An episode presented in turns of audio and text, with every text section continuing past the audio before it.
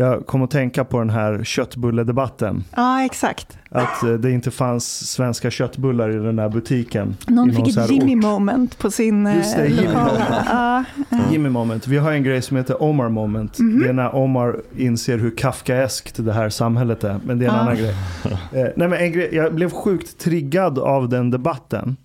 För jag, jag tänkte bara så här, men vänta, klockan var typ 22.30. Problemet är ju inte att det fanns en liksom, eh, arabbutik Mm. som sålde någon konstig fågel och inte köttbullar. Problemet är varför var inte ICA öppet vid den tiden? Mm. Right? Och det fanns ju, jag har hört från folk som har bott i det där området, att det, fanns, det finns ju ett ICA där, eller någon annan, det finns en annan butik. Eh, någon så här, vet inte, köttbullekompatibel butik som har öppet vid den tiden. Ehm, så att det var ju lite, det kändes lite sökt det här problemet kanske möjligen. But but the thing is, like I also, I think I have a much easier time with xenophobia compared to total denial or ignorance of, of cultural differences. Like xenophobia, I can understand. You Yeah. just don't like another culture. You're aware that the cultures are different. You just don't like them. I don't agree with you, but I get you, kind of. De But- äter linser och smådjur. but but those who don't even understand that other cultures function differently and think differently, these are the ones I'm, I'm a bit like, ah, Ja, men det var how I lite will deal with you. Ja, men det var det, det var det jag var lite inne på, liksom det här att du måste Alltså det måste finnas en respekt för att människor är olika. Och jag tycker att om du bara går runt och förutsätter att alla människor funkar precis som jag och vill ha det precis som jag. Det är liksom farligt. Det är bättre att Svenskar förstå. är bäst. Alla vill vara som Ja, svenskar men och leva som Det, oss. det är det där som är den svenska excep- exceptionalismen kanske. Ehm, eh, och, och, och jag är väl också drabbad av den till viss del. Så, så tillvida att jag tänker att mycket av det som är unikt för Sverige är sånt som jag tror att människor gärna väljer om de har friheten att välja. Du menar falukorv nu? Ja, precis. Mamma Scans köttbullar. Nej, men jag menar mer vad ska man säga, grundläggande värderingar och sådana saker. Om vi pratar om det, så, så tror jag, jag tror att det är de bästa. Eh, och jag tror att jag tror ju också att det är någonting som människor eh, kommer att välja. Ja, Ja. och jag tror ju att människor kommer att välja det om de känner att de har friheten att välja det. Ehm, med vissa undantag givetvis, men mänskligheten är stor. Vi- Vilken, eh, okej, vilken sorts frihet menar du och vad är det man skulle välja då? Tänker du? Jag tror att, enkelt sammanfattat så skulle jag väl säga att jag tror att mycket, alltså många av motsättningarna, mycket av xenofobi till exempel, eller, ehm, eller eh, konflikter med andra grupper, eller den här tanken om att man eh, är rädd för saker som är okända, eller att man tycker att folk ska inte få böga, eller man ska inte få vara Vadå, trans tycker du folk ska få, få vara bögar? Ja. Vill du gå ut i protest? Herre jävlar, vad har vi bjudit in för gäst här? Omar, det här är haram. yeah, I only like haram now. Nej men jag, jag tror att det är sånt som... Alltså jag tror att människor blir mer toleranta om de har, eh, känner sig trygga. är väl det som är grejen. Eh, att det ger en unik typ av frihet. Och det är därför jag pratar om eh, att en av de viktigaste sakerna för mig, ett av de viktigaste idealen för mig politiskt eller liksom i samhällsbygge är just att ge människor så mycket frihet som möjligt. Därför att jag tror att trygghet och frihet föder tolerans. Det gör att människor är mindre benägna att eh, skapa konflikter med andra och sådär. Men också att i den här friheten så innefattas ett visst mått av trygghet, till exempel ekonomisk trygghet. Du kan inte vara helt fri om du inte är trygg. Så. Du menar att om man har huset överbelånad, livrädd för att bli av med jobbet så är man inte riktigt fri? Nej, exakt. Eh, Eller om du känner dig begränsad av att för att överleva så måste du ja, ta, ta skitjobb. eh, Och Eller inte... vissa åsikter på arbetsplatser trots att man egentligen äthatar i smyg. Ja, till exempel. So, so what do you think about cancel culture in this context then? When it comes to safety and freedom? Um, definiera cancel culture. För det känns som att det finns lite olika definitioner beroende på vem du Okay. frågar. Well, I don't know if a definition, but how I would perceive it, it would be like this: that you would, by expressing certain views that can be perceived as controversial publicly, you risk being um, uh, to be to lose your job uh, and also to you risk not being easily employed. Um, yeah, things like that. Så till exempel så här, yttra dig publikt eller på arbetsplatsen att men, tänk om svensk sexköpslagstiftning skadar mer än den hjälper. Och- Säger du det så finns det ju hög risk att arbetsgivare blir kontaktad etc. etc. Jag har ju varit med om det. Mm. Ehm, men Blev du av med jobbet? nej, Vad var det för arbetsgivare? Vänsterpartiet i Hässleholm. Och vad var det du, nej, hade, Ängelholm, förlåt. vad var det du hade tyckt för någonting som man inte fick tycka? Eh, Någonting om porr och sexköp tror jag. Och vad sa de i I vanlig Ängelholm ordning. Nej, de sa att så här, Myra ska inte prata om det här, så att jag vet inte varför vi ska bry oss om Jaha, de skulle bara hyra in dig som någon, eh, jaha, Mm. ja. Vänsterpartiet. Men, men om vi inte... Nej, men de, de, de var ju bra, de backade ju mig. De sa ju att jag håller med intressant. Myra, det jag är håller med Myra i för den här det, men då- frågan. Då var de lite mer Ja. Mm. kommunistiska och gammelproletär så här. Vi ska inte vika oss för burguisens krav. Men, men om vi undviker att kalla det för cancel culture än, men Mm. typ det vi precis eh, beskrev. Mm. men jag skulle säga så här, att pro problemet som uppstår eh, är ju att det finns ju egentligen två olika, ganska, inte riktigt i min, mina ögon jämförbara problem. Right? Det är antingen att du har en eh, du har en, ditt jobb är att vara offentlig opinionsbildare eller föreläsare eller mm, tykonom i någon form. Um, där hela ditt arbete bygger på dina åsikter.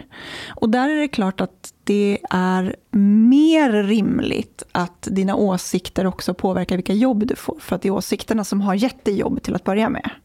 Om ni är med. Ehm, Däremot så tycker jag inte att om du eh, har ett jobb på ett lager i Tensta och sen så säger du ja, nej, jag tycker nog att vi ska avkriminalisera marijuana så får du kicken. Det tycker jag är helt, helt orimligt i alla sammanhang. Så att frågan är ju hur mycket av ditt jobb som bygger på att du delar med dig av åsikter. Eh, är det så att mycket av ditt jobb bygger på att förmedla åsikter till andra, eh, indoktrinera andra eh, i ett mer, eh, vad ska man säga, mer laddat ordval. Men då är det kanske lite mer rimligt att det påverkar, skulle jag säga. Alltså, t- till exempel om, om vi tar hela Paolo Roberto-grejen som hände för några veckor sedan. Så här, ja, jag blev avbokad från flera uppdrag. För att jag inte kraftigt tog avstånd från allt som har med sexköp att göra. Utan jag var så nej men jag ser inte det moraliska problemet i att två vuxna individer som styr över sina kroppar gör en transaktion. Eh, och, men det är inte så att jag vill uppmuntra till sexköp. Jag har ingen agenda bakom det. Nej. Men, men just här, den data jag har tittat på visar att den verkar förstöra mer än den hjälper, vår lagstiftning. Och då blir jag så okej, och jag visste att det kommer finnas folk som kommer avboka mig på grund av det här. Eh, eller bara att jag suttit i samma rum som Paolo. Att de avbokar mig ser jag inte som cancel culture, för det, det, det är en fri marknad. De har rätt att säga att nej, men vi tycker Ashkan är en vidrig människa som har dålig kvinnosyn. Och han ska Det är inte jag få... som är sexisten i podden och så får du skiten. Ja, och But this det, has och, always been the case. ja, men det, det, och det var också med i min kalkyl. you Den- talk and we get the shit. Ja, det är alltid så. Och när vi ändå är inne på ämnet. Det är en sak jag måste fråga We Myra. let him finish. okej, Okay. förlåt. Kör färdigt. Och så här, den biten är fine. Det som skrämmer mig och stör mig till ändå en viss grad, det är att människor låter sig liksom döma ut en hel person utifrån i vissa fall vad den, vad den inte har sagt, som de tycker att den borde ha sagt. Men också att de bara liksom klistrar på massa epitet för att du går emot deras paket av hur man borde tycka och tänka. Det är den biten som skrämmer mig. Och den är ganska unik för Sverige och vissa delar, ja men kusterna i USA då. Liksom bara du går över gränsen till Danmark så ser du inte det här beteendet. Nej. Eh, så det är det, okej, cancel culture, det är svårt att definiera det. Ja, Eh, men, men- den biten håller jag med om. Den är, den är, är ju alltid skadlig. Alltså just, just generaliseringarna vi gör utifrån den etikett vi sätter på folk. Jag har skrivit ganska mycket, eller tagit upp det i ganska många texter jag har skrivit, speciellt texter som rör metoo till exempel. Så jag har skrivit om just faran i att vi det känns som att vi väldigt lätt och gärna gör symboler av folk. Eller eh, vi gör... ehm, monster av dem. Eller vi, vi försöker passa in folk i fack på ett sätt som jag tycker är helt icke-produktivt. Ja.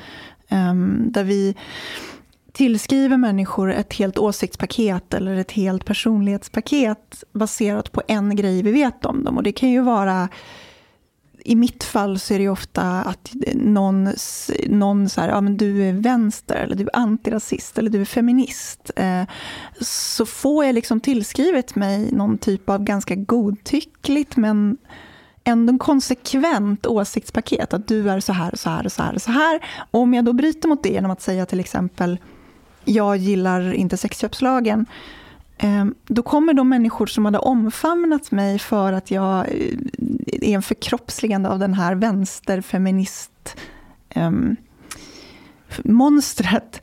Då kommer de säga, nej men vänta, det här är ju fel etikett på dig, så du passar ju inte in här. Och då blir de jättestörda och så måste de stöta bort det. Kommer du ihåg att du hade en, detta var några år sedan, det var en debatt i Nyheter 24 ja. med, med han Dick Eriksson. Och så bilden där så såg det ut som att du hade värsta D-kuporna. Ja. Så du var i D-kuperfacket. Ja. Men nu när jag träffade dig IRL så skulle jag säga att det där är inte mer än C. Ja, jag har, jag har en F-kupa. Nej. Jo. Men jag, ska, jag kan förklara för dig hur, hur, hur eh, Hur, hur, hur kupstorlekar bedömer man fungerar. tuttstorlek Ja, som kille? jag kan- jag kan förklara. Hjälp mig här lite. Det, Det, här är så, här, viktigt. så här funkar det nämligen. Ehm, om vi säger så här. Kupstorleken, alltså bokstaven som man brukar prata om, Mm. säger egentligen ingenting. Är inte det storlek på, på tatta? Nej. Nej. Eller jo, fast nej. Så här är det. Eh, I look at my phone for one second and the conversation gets totally derailed. jag, det här är ska se, jag ska se hur mycket generad vi kan göra Omar och det Ashkan. här Alltså, är, det man här är ett av mina särintressen. För det här är, ingen vet om det här, inte ens, inte ens folk med tuttar brukar veta om det här. Är det Så att- Myra man ska fråga sånt här? Ja, jag är expert på sådana här grejer. Jag har jättemycket onödig kunskap i huvudet. Så, att, så här är det, vi säger att eh, en tutta är en massa. Liksom. Ja. Eh, och kubstorleken utgår ju från massan, ja. Men, men prata Men- massa, är det vikt eller volym? volym. Volym, ja. Mm. Även om det är, vikten är ungefär samma. Ja. Eh, men, ehm, så att kubokstaven, den kommer ju att förändras då baserat på hur bred bröstkorg du har. Ah. Så att om vi tar en, ehm, en A-kupa på en väldigt stor och bred person Ja, och så sätter vi den på en väldigt, väldigt smal person. så blir den för stor. Då kommer, den se jättes, då kommer det se ut som att den har jättetuttar. Jaha. Därför att det är samma storlek, men de sitter på en mycket bredare bröstkorg. Så, att, så generellt är Så det, det så är relativt till eh, det är relativt till, till undermåttet, Jaha. bröstkorgen. Så att till exempel då, så att om jag hade haft en bredare bröstkorg, säger att jag hade så här bred bröstkorg, men hade haft- exakt lika stora bröst. Jaha. Då hade jag kanske haft en, då kanske jag hade haft en B-kupa. Men om jag hade haft en så här smal bröstkorg, då hade jag haft en, fan vet jag, J-kupa istället. Oj. Så det är därför, så att det, det, det är mer ett mått på typ, jag antar hur stora de kanske ser ut i förhållande till kroppen. Men du kanske hade push-up på den intervjun som gjorde att han skulle psyka Nej, jag, jag tror att det var mer klädseln. Jag tror jag vägde 10 kilo mer också eller någonting. Nej, Jaha. det gjorde jag nog inte. För det var, alltså tittar man på bilden, det är riktiga jävla meloner på denna eh, intervju. Ja, ja, men de ser jättestora ut. Jag tror att det är för att, jag tror att det, jag tror att det är kläderna mycket. En fråga, blir tjejer verkligen stötta om man kommenterar deras utseende? Brukar inte de bli glada om man säger någonting som ser bra ut? Nu representerar du alla Ja, kvinnor. precis. Du- ja, du representerar alla eftersom jag talar för alla kvinnor Ja. nu i världen. Eh, För brukar inte tjejer innerst inne vilja få bekräftelse att de ser bra ut eller de har schyssta lökar? Eller Jag fick faktiskt vara? den här frågan av någon ängslig eh, tonåring i Twitch-chatten för några Ja. veckor sedan. Som, var så här, som frågade mig, får man, får man, får man kommentera eh, att du är attraktiv? Är det okej att göra det? Eller blir du oro, alltså blir, blir du le- ledsen då eller kränkt? Eh, och, och jag var så här, ja, det, det rör väl inte mig i ryggen. Alltså så, men det är bra att du frågar, för jag kan tänka mig att vissa skulle tycka att det var lite kränkande. Och mitt, min generella regel till honom, jag tänker Ja. ge dig exakt samma råd som jag gav honom, vilket var så här, man kan absolut ge folk komplimanger.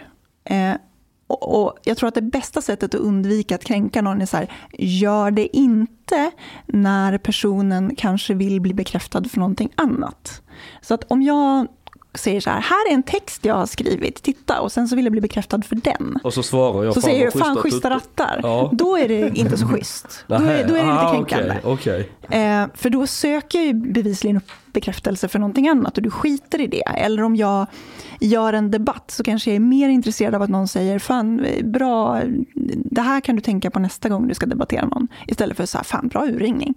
För det känns som att då reducerar du ju personen, då objektifierar du personen och gör den liksom till någonting som bara går att bedöma utifrån utseende. Och ignorerar allting annat.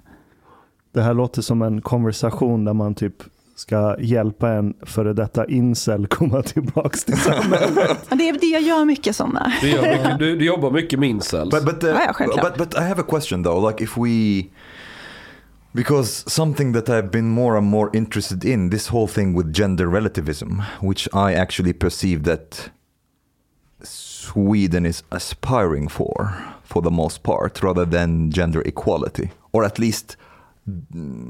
A lot of people who say that they are aspiring for gender equality, actually, they are they are very much gender relativist. I would say. Um, Vad menar du med gender relativism? like like for example let's say it would be totally acceptable for for a woman to to have a like a respectable female debater to to go on TV wearing a necklace trust no man while it would be totally insane if a guy would come on TV with a necklace trust no woman. Jag This skulle kunna be- göra det. well you yes and then we would get the shit. Men du tänker inte att så här, eh, och, och jag håller med, alltså jag, generellt så skulle jag säga att eh, jag tycker inte att, att man ska eh, använda den typen av, av retorik. Jag tycker inte man ska, eh, så här, manshatare och sådär. Jag undviker det, förutom när jag liksom raljerar runt det. Ehm, men jag gör knappt det längre heller, för jag tycker, liksom att, jag tycker att det ska vara samma sak. Alltså, tycker jag inte att det är okej att säga att man- jag hatar kvinnor, så ska man heller inte få säga att man hatar män. Hur? Så jag försöker vara konsekvent i det. Eh, Men jag tror att, att vi har en högre toleransgrad och det här går att applicera även på rasism till exempel. Vi har ju betydligt högre toleransgrad. Eh, Jättebra exempel med att, att gå ut. Skulle det vara eh, 2000 personer som stod och demonstrerade för att White Lives Matter så skulle folk förmodligen uppfatta det annorlunda än om det är Black Lives Matter. Men jag tror inte att man kan Vad, vad bort... tror du om denna då? Jag såg den där. deplorable lives matter Ja. Gillar, gillar du McInnes? McKinney. Gavin? Ja, han- men han är rätt kul. Han är rätt kul. Ja. Lite- ni skulle nog ha kunnat dricka bra öl ihop. Ja, det tror jag. Han är lite så här lagom provokativ. Någon sån här galen katolik. Eller vad han nu framställer sig som. Han kallar sig för chauvinist numera tror jag. Så han är så här mans... Är det Eh, han som grundade Proud Boys? mm. But I think he, when Men he says chauvinist, Proud Boys? Blir inte de typ lite smått extrema?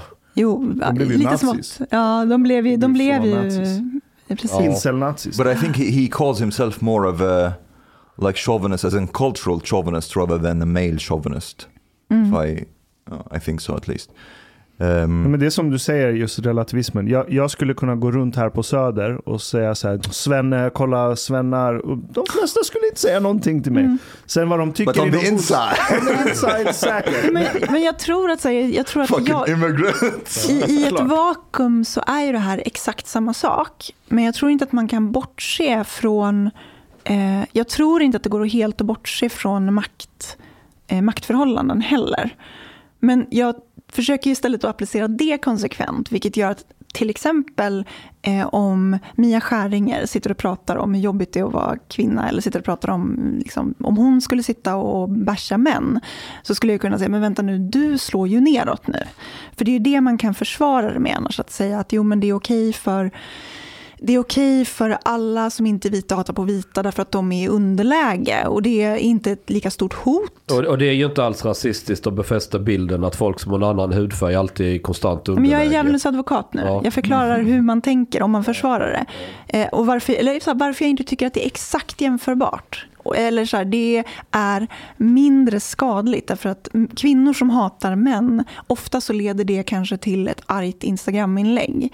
Eh, män som hatar kvinnor tenderar att döda dem. Liksom. Så att det finns en viss slå eller döda dem. Så det finns en viss skillnad i hur det yttrar sig. I Ni får bli bättre på att döda alltså. Det är det som Ja, är det tycker jag absolut. Det vill jag gärna uppmana till. But, but I, I agree there's there's there is some difference there, but at the same time I'm a bit worried about how the discourse is in Sweden because there there seems to be that women who say they hate men they underappreciate how, what kind of reaction and what kind of feelings this create in men towards women uh, and how this can poison the relationship between the genders. Um, Absolut, men jag tror att det är nästa steg också av jämställdhetsarbetet. Ehm, jag skrev ett kapitel i en bok, en, en feministisk antologi som Timbro gav ut typ för, inte, förra året eller något, jag minns inte. Ehm, och jag avslutade det med just så här, vad är, eh, vad är liksom, när ska män få sin feministiska revolution, typ? Eh, Varför ska män ha en feministisk revolution? varför inte? För att det är nice. För att det är nice att kunna, att kunna påverka saker i livet eller orimliga krav som ställs på en eller orättvisor som är unika bara för att du föds med kuk. det är väl vad är det rimligt? för orättvisa? Jag vet inte, vad tycker du? Nej, jag känner inga Ja, orättvisor. men bra, men då behöver du kanske inte vara, Nej, fe- det är vara liksom- feminist. Jag tror ibland att man söker efter problem som egentligen inte finns. Det är min teori. För hela den här feministdebatten vi ska påverka människor är och mellan könen och bla bla bla. Det är väldigt mycket människor som är jävligt mediekåta och lite narcissister och vill synas och höras i spalterna och hålla på och hela tiden hitta någon ny jävla oförrätt att gnälla om. Men de allra flesta människorna, de bor i par, de har några ungar, de har sonen och epatraktor och du vet, lever sina liv. Och bara skiter fullständigt i hela den där grejen. Det är bara liksom någon medieklick som håller på och gapar. Fast nej, det där håller jag inte alls med om. Alltså, det, menar, titta på så här, titta på allt jävla gnäll som uppstår i heterorelationer med, med de här föräldrarna som bor ihop. Och sen så går de och så här småsurar på varandra för att de, de inte städar lika mycket. Eller det är faktiskt bara jag som byter däck på bilen. Och så här. toalocket. Ja. Alltså jag vet inte, jag, jag, jag är inte övertygad om att det här inte är grejer som påverkar människor. Fast människor kommer alltid gnälla om saker. Är det inte det så är det något annat. Okay, uh, but but I think I think it's it, it's needed, but also where coming from Egypt, for example, where where the situation for both men and women are totally totally different. This is like basically the extreme opposite of how things are in Sweden, and there women are oppressed, like but like even both legally and socially. Um, like they, they inherit half of that of the man for example. Uh, i don't even think that it's possible for a woman to be president in egypt. Um, and, and they are totally controlled by by men in every single respect. And there i see it as a real patriarchy that's why also i get really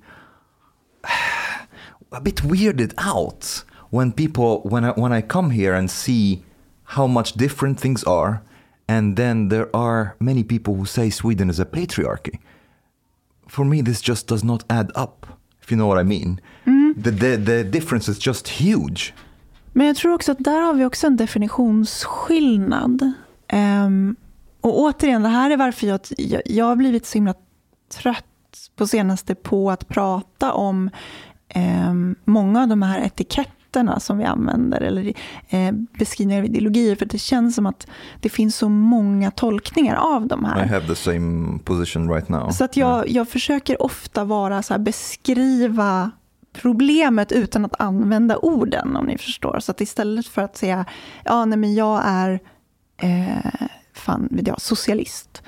Eh, därför att då vet jag, då kommer folk säga, jaha, okej, då, då tror du på det här och det But här. you still use the word feminist though, eller? Eh, to inte- describe yourself. Nej, inte för att Nej. beskriva mig själv. Alltså, det skulle jag kunna göra i vissa situationer. Okej. Där, där, där det är viktigt att förklara, snabbt förklara vad jag tycker är viktigt, vilka samhällsfrågor jag är intresserad av.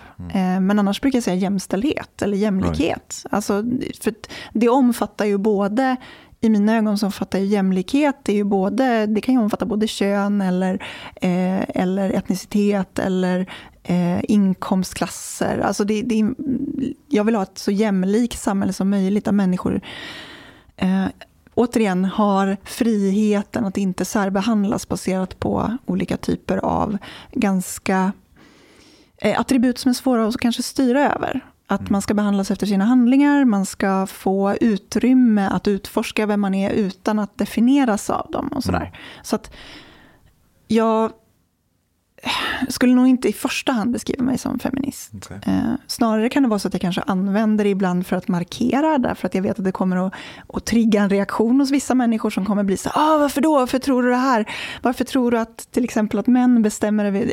Ja, här, varför tror du att patriarkatet sitter och röstar om vad, vad kvinnor ska göra? Och det kan vara ett ganska bra sätt att provocera fram en diskussion om vad man egentligen tror på ibland. Hos människor som aldrig skulle vara intresserade av att diskutera det. Om jag sa, har ni funderat på så här hur könsroller påverkar eller styr oss. Eh, i, då hade de bara somnat eller bytt kanal. Mm. Men om jag säger jag är feminist och så får, låter de, får, får de tro att jag är stenkastande manshatare en stund, så kan det göra att de kastar på mig argument som jag sen kan bemöta och på det mm. sättet komma in i en mer nyanserad diskussion. Mm. Så att det kan fylla en funktion, men jag gillar det inte som... Patriarkat i mina ögon handlar inte så mycket om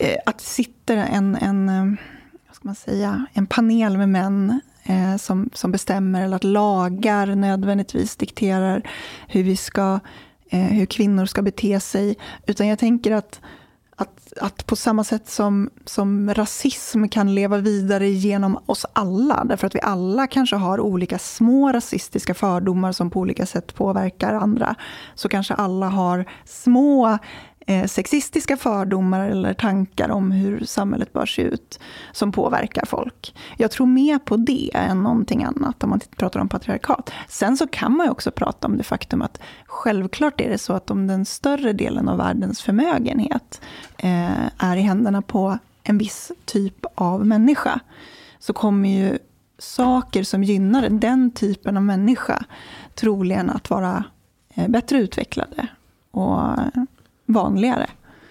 Och så kan man också prata om patriarkat. Ja, alltså okej. Okay. Historiskt sett så, och det här är så här klassisk marxistisk analys. De, de, som sitter högst upp i näringskedjan, de kommer ju beställa ett självförhärligande av sig själva rent kulturellt. Eh, och då menar jag inte att det här sker i någon så här, något mörkt rum där folk dricker whisky och så här konspirerar. Jag tror det bara sker rent, rent undermedvetet. På samma sätt som många jättegalna aktivistiska människor som, har, som använder feminism som, sin, som sitt svärd. Liksom. De gör ju samma sak. Mm. De vill skriva om historien, de vill ändra språket, de vill förhärliga någonting som inte har varit förhärligat förut. För att de försöker göra anspråk på makten. Så det är exakt samma process som sker. Sitter du högst upp så kommer du behöva förhärliga dig själv. Annars kommer folk göra revolt. Right? Men samtidigt, liksom, okej, okay, de flesta människor som sitter på förmögenhet och väldigt mycket politisk makt eller näringslivsmakt, majoriteten är män. Men de flesta män, majoriteten av män kommer aldrig någonsin ens komma i närheten av den nivån. Av självförhärligande? Nej, nej, att sitta så där högt upp på och näringskedjan. Makt. Så, ja, men Tim Cook, Bezos, Soros, liksom alla sådana här aspirerande Jean Men, men de flesta män är inte ens i närheten av den nivån. Så, nivån så, av vad?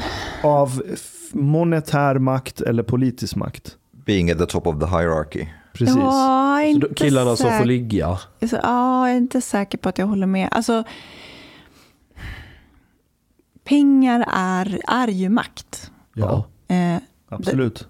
Så jag vet inte, så länge pengarna är ojämnt fördelade så kommer ju inte samhället att vara rättvist fördelat. Ja, men de, de, flesta män är ju inte rika. Men rättvisa är väl när man nej, får nej, vad man förtjänar? Nej, men jag pratar inte om de flesta män. Okay. Alltså när jag, när jag pratar om det, är det, det är det här jag menar som är så viktigt. Och det är därför det är så viktigt att inte stirra sig blind på eh, grupper. Därför att här handlar det ju inte om att eh, Sture 65 i Bromölla har supermycket makt över, fan vet jag, Cissi Wallin. För det har han ju inte.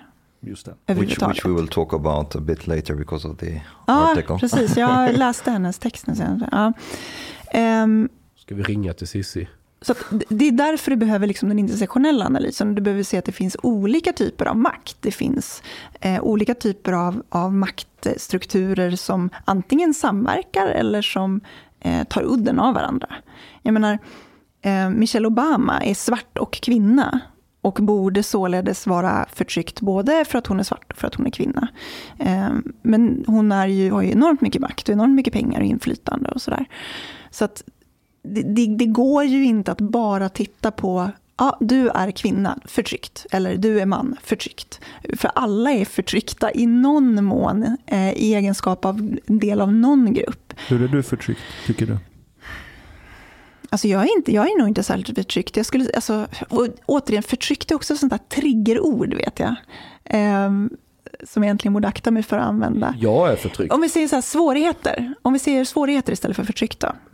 Saker som gör att du, eh, som hindrar dig från att göra saker. Typ Skatteverket och sånt. Ja, kan man tycka om man är libertarian. Ja, alltså exempel. vet du hur mycket jag måste betala i skatt? Det är förtryck. Mm. De pengarna skulle jag kunna köpa typ skitmycket knark för. Jag skulle kunna gå ut på krogen med Paolo en hel kväll på Östermalm. Maybe not Paolo. Eh, jag skulle kunna, nej men ni vet, eh, betala fler näthatare på heltid. Jag skulle kunna göra jättemycket med de här pengarna men då ska Skatteverket ha det istället. Det är förtryck. Okay, but but to go back to the to the label feminist. Nej men vänta, jag är nyfiken. Vad, vad Jo, men, men jag skulle säga så här. Jag skulle säga att i vissa situationer, inte alla, eh, så kommer jag att eh, ha svårigheter som jag inte hade haft om jag var man, till exempel. Till exempel. Till exempel så kan jag säga att när eh, i många arbetssituationer, inte alla heller, och det här beror ju helt på vad du har för chefer, det här beror på vilka du jobbar med och sådär, så kommer jag att avfärdas på ett annat sätt än vad mina manliga kollegor gör. Inom Eh. vad? På vilket sätt avfärdas? Eller? Alltså det avfärdas när det kommer till idéer jag har eller när det kommer till vem som ska få ta ansvar för saker och sådär. Det här, det här är inte kontroversiellt. Alltså, om vi tittar, det, här, det här har man ju också gjort forskning på när man har jämfört. Du har till exempel låtit eh, testpersoner läsa en CV. En beskrivning på en chef till exempel. Eh, som är samma för grupperna, man har bara bytt ut könet på namnet. Och så kan man se att jo, men när, man, när man vet att det är en kvinnas CV man läser så är man mycket mer kritisk. Man kommer säga, ja, ah, jag vet inte, hon känns mm, så här. Och när, när man tror att det är en man så är man mycket mer positiv. Så vi har en, en liksom ten, kulturell tendens att bedöma män som mer trovärdiga och kompetenta och sådär. Om vi går på magkänsla. jag börjar misstänka mer och mer att jag är jävligt osvensk. No shit. Ja, men du känns ju inte heller som en person som bryr dig så mycket om samhällets normer. Nej. In, eller så här, du kanske till och med försöker att inte göra det. Ja, ja, jag, jag noterar en del normer och då är det väldigt roligt att göra precis tvärtom. Det är alltid skoj. Exakt. Jag har ju anställda och grejer och, och, och så här. Är det någon som vill ta mer ansvar eller ha idéer och sådana saker? Jag är nog mycket elakare mot typ de som är killar oftast. Tror, så, som vill ta ansvar ja, men har en idé, vill göra någonting. Hur ska vi öka antalet prenumeranter i nyheter idag och sådär du vet. Och så kommer det olika idéer. Jag bara, you get upset by that? Ja, men för ofta så är idén... Jo, men för, normalt så är idéerna allt annat än att göra bättre fucking content. Och jag försöker liksom säga, skriv bättre artiklar, gör, intervjua en person vi aldrig pratat med innan, gör någonting nytt. Istället för någon jävla tiggerikampanj i, i sociala medier. För att det bara äter på goodwill, det, det funkar inte i längden. Kommer någonting som folk vill ha eller överraska folk eller så här. Eh, så den diskussionen, men jag vet att nu har ju inte vi så mycket tjejer på vår arbetsplats förutom min sambo. Eh, och Lovisa som sköter bokföring. Men varje gång de kommer med något förslag eller något så brukar jag utgå ifrån att det är oftast mer genomtänkt än när grabbarna kommer med det. För då är det något de bara skitit ur där, där och då. De vill imponera förmodligen, grabbarna. Eller få, få cred men- av chefen. Men är, Ja, kanske, kanske. But but, do- but do you review the size of their tits at the workplace Och såklart jag gör. Men vem fan gör inte det? Openly? Jag menar om jag, om jag har två. CVn och den ena har D-kupa och den andra bara en B-kupa. Jag skiter i resten, det är klart man anställer D-kupan. Men eh, kom igen. Why did I ask? Men det kanske Okej, är, nu jätte, det jag kanske är jättedåligt för arbetsmoralen på kontoret. Det blir ju skitbra arbetsmoral. Alla vill ju vara på kontoret när Men det är en ingen som snygg- vill jobba. Nej men vad fan, det är väl sekundärt. Det är väl... Timmarna ska ju stämplas in ju. Ja. Den, där bilden känner jag igen. Ja, men till exempel, så det, det råder inte så mycket tvekan kring att ja, men CVn med väldigt utländskt klingande namn blir mer avfärdade. Även om personen som läser CVt själv kommer från samma land eller kultur. Eh, sen vad det beror på kan vi diskutera om vi vill. Samma sak med kön. Det som jag kommer ihåg från universitetet. Högt uppsatta människor på vår fakultet kunde slänga ut sig saker som så här, ah, typiskt fruntimmer. Du vet, så här, sån här riktigt så här old school på, i negativ bemärkelse sätt att bara avfärda ett helt kön. Eh, där är jag helt med dig. Men sen å andra sidan, eh, och det som ofta stör mig är väl snarare att, att man har svårt att... Jag pratar om intersektionalitet och det är, liksom, det är någonting som stör mig väldigt mycket i, i, inom den feministiska debatten också. Att det inte finns en förståelse för just det där att eh, man kan ha enorma privilegier som uppväger motsättningarna av att vara kvinna, till exempel. Ehm, jag tycker att det saknas ofta den förståelsen som vi var inne på, att Michelle Obama, ja Michelle Obama, Michelle Obama eller ta någon annan, eh, vilken jävla framgångsrik kvinna som helst, eh, kommer att ha, ha haft vissa unika svårigheter för att bli framgångsrik, som inte hon hade haft om hon hade fötts som man. Eh, och fortsatt vara man, kanske man ska tillägga i det här läget. Men, men samtidigt så är det ju inte så att alla män som kommer dit har saknat svårigheter. Det finns ju unika svårigheter som kanske drabbar män, eh, som inte kvinnor drabbas av. Det finns unika svårigheter som drabbas, drabbar folk som har vuxit upp i en fattig familj, eller en missbrukarfamilj, eller, i, eh, eller har funktionsnedsättningar av någon form, eller lider av psykisk ohälsa. Så det finns ju tusen grejer som kommer att vara svårigheter för olika människor. But I think Och- there's too much focus on, on just the gender part here in Sweden ja, och också tror jag att... Jag tror att det blir väldigt farligt att reducera ner det till bara att prata om en av de här sakerna och inte om hur de samverkar med varandra. För att ofta är det ju så, det här var det som du sa att vi kanske skulle kunna komma in på, men om du har Eh, om vi tar fördomar mot människor utlands, med liksom namn, utlandsnamn, så så är det ju kanske inte bara så att man tänker usch, nej, jag vill inte jobba med en brun människa på kontoret, hur skulle det se ut? Utan det är att man sammankopplar eh, Fast så brukar folk säga om jag dyker upp på ett kontor. Han har ju bruna åsikter den där. Honom kan vi inte ha här. Nej, men åsikter, de, behöver man ju, det, är- Ja, okej. de måste man ju höra. Då kan man inte bara titta bort och titta åt ett annat håll. du. Ska mala på dina åsikter. Jag är ju brunifierad ju. när Jag, i, I samhällsdebatten. Ja. Du är Säger folk åsiktsrasifierad. att du är brun verkligen? Nej, inte nu längre så mycket. Nu är jag mest troll tror jag. Provokatör. Ja, kanske. precis. Mm. Du är bara opportunist? Jag, vill, jag tror att jag bara har beskrivit dig som opportunist. Ja, men jag, jag är råkapitalist och så. Däremot, det du var inne på det här att man ska hela tiden ta hänsyn till, eller titta på olika orättvisor eller förutsättningar och sånt. Jag, jag, jag tycker det är mycket roligare att titta på vilka möjligheter folk kan ha. För kolla, alla har rätt till skola i Sverige. Det är, inte så, det, är ingen, det det är ingen lag som säger att om du är arab och kommer från Egypten och heter Omar så får inte du skaffa F-skatt eller starta ett aktiebolag eller bli företagsägare. Alla har ju på det sättet jäm, vi är jämlika inför lagen och har samma möjligheter i teorin. Sen är det upp till var och en vad man väljer att göra med sitt liv. Om man, om man vill liksom ta lite risker och starta en business, vidareutbilda sig eller vad man nu vill göra för någonting. But those people are not equal though. Nej men folk har inte samma drivkrafter. Folk vill göra olika saker. En del skiter i pengar. De, de eh, kanske vill flumma och röka gräs och spela musik och är nöjda med det. Och det här tanket att alla ska ha e- equality of outcome. Jag köper inte det för folk är olika motiverade och har olika intressen. Different capacities. Eh, Ja det är också, vadå vi kan ju liksom inte... eh, Vissa människor är födda med Fast mer... är det någon som för... Alltså det är väl ingen som heller... eh, Ytterst få skulle jag säga. Du kan säkert hitta någon galning. När jag säger ingen så generellt, och du återkommer. Förstår. När jag säger Ja, ja. ingen så menar jag ingen som någon lyssnar på. Tycker väl hellre att så här, alla ska vara, sitta i en bolagsstyrelse. Nej, det är inte det jag säger. Uh, dessutom är det väldigt lätt. Alltså det, men det är också sådana argument att ja, vi måste kvotera in mer kvinnor i bolagsstyrelser och bla bla bla. Ja, men vad fan är problemet? Om ni är ett gäng kvinnor som är sura över att inte sitta i bolagsstyrelse. Spring och regga ett aktiebolag för 50 000 och sätt er i styrelsen så sitter ni där. Vad är problemet? Nej, man vill vara i de bolagen som männen har byggt upp där det finns en massa pengar. För skulle de själva starta ett bolag så skulle det bli fruntimmer. Och ni vet vad som händer när man sätter flera fruntimmer tillsammans. De blir osams och bara bråkar med varandra och inget värde Ja, skapas. för män bråkar aldrig med varandra. Nej, det är inte så att det är bara kvinnor som gör. historia, världshistorien säger någonting annat. Nej, nej, nej, nej. Det är, men eh, det, är en ultima, det, det är Guds ultimata skapelse. Gru grupper av män bråkar med andra grupper av män. Ja. Men jag, jag skulle säga det anekdotiskt. Men jag kollar på oss podd. Har vi någonsin bråkat här om någonting?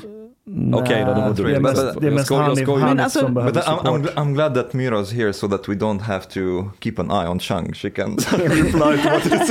Nej, men, nej, men alltså, men jag tänker också så här, jag, jag tänker också så här, det här är också, är också kopplat till att du är en ganska unik personlighet. Alla är unika personlighetstyper. Du är en unik snöflinga, Chang. Snöflinga, tack, tack för den. Så, men alla är ju liksom olika typer av människor. Och du är en extrem individualist och du tycker att folk ska göra vad fan de vill och ska de, kan de inte göra det ska de inte gnälla. Då får de väl göra gör det de vill. Sluta. Ja, det- och och då, då vill jag säga så här. Att du kan vara så, men att du kan vara så eh, är ju för att det finns en massa andra människor som är kollektivister, som säger att jag tänker anpassa mig efter vad samhället vill eller vad andra behöver. För annars hade det inte funnits ett samhälle som du skulle kunna härja runt i. Så du måste ju också respektera att människor inte är som du. Det Alltså, liksom... Jag har full respekt för att människor inte är som jag. Absolut, men en poäng med att jag är som jag är, det är därför att jag vill få folk att fatta lite att Tänk inte bara att, åh nej, jag är född i rasifierad kropp eller jag är kvinna eller jag är halt och lytt eller homosexuell eller nageltrång eller vad det nu är för någonting man hänger upp sig på. Utan alla människor har en möjlighet att göra saker om de bara vill. Må- Många gånger är det största hindret sitter här inne i huvudet. Absolut. Ja, för man tänker att nej men det är bara vita medelålders män som kan starta företag och tjäna pengar eller bli, göra karriär. Nej men så är det inte.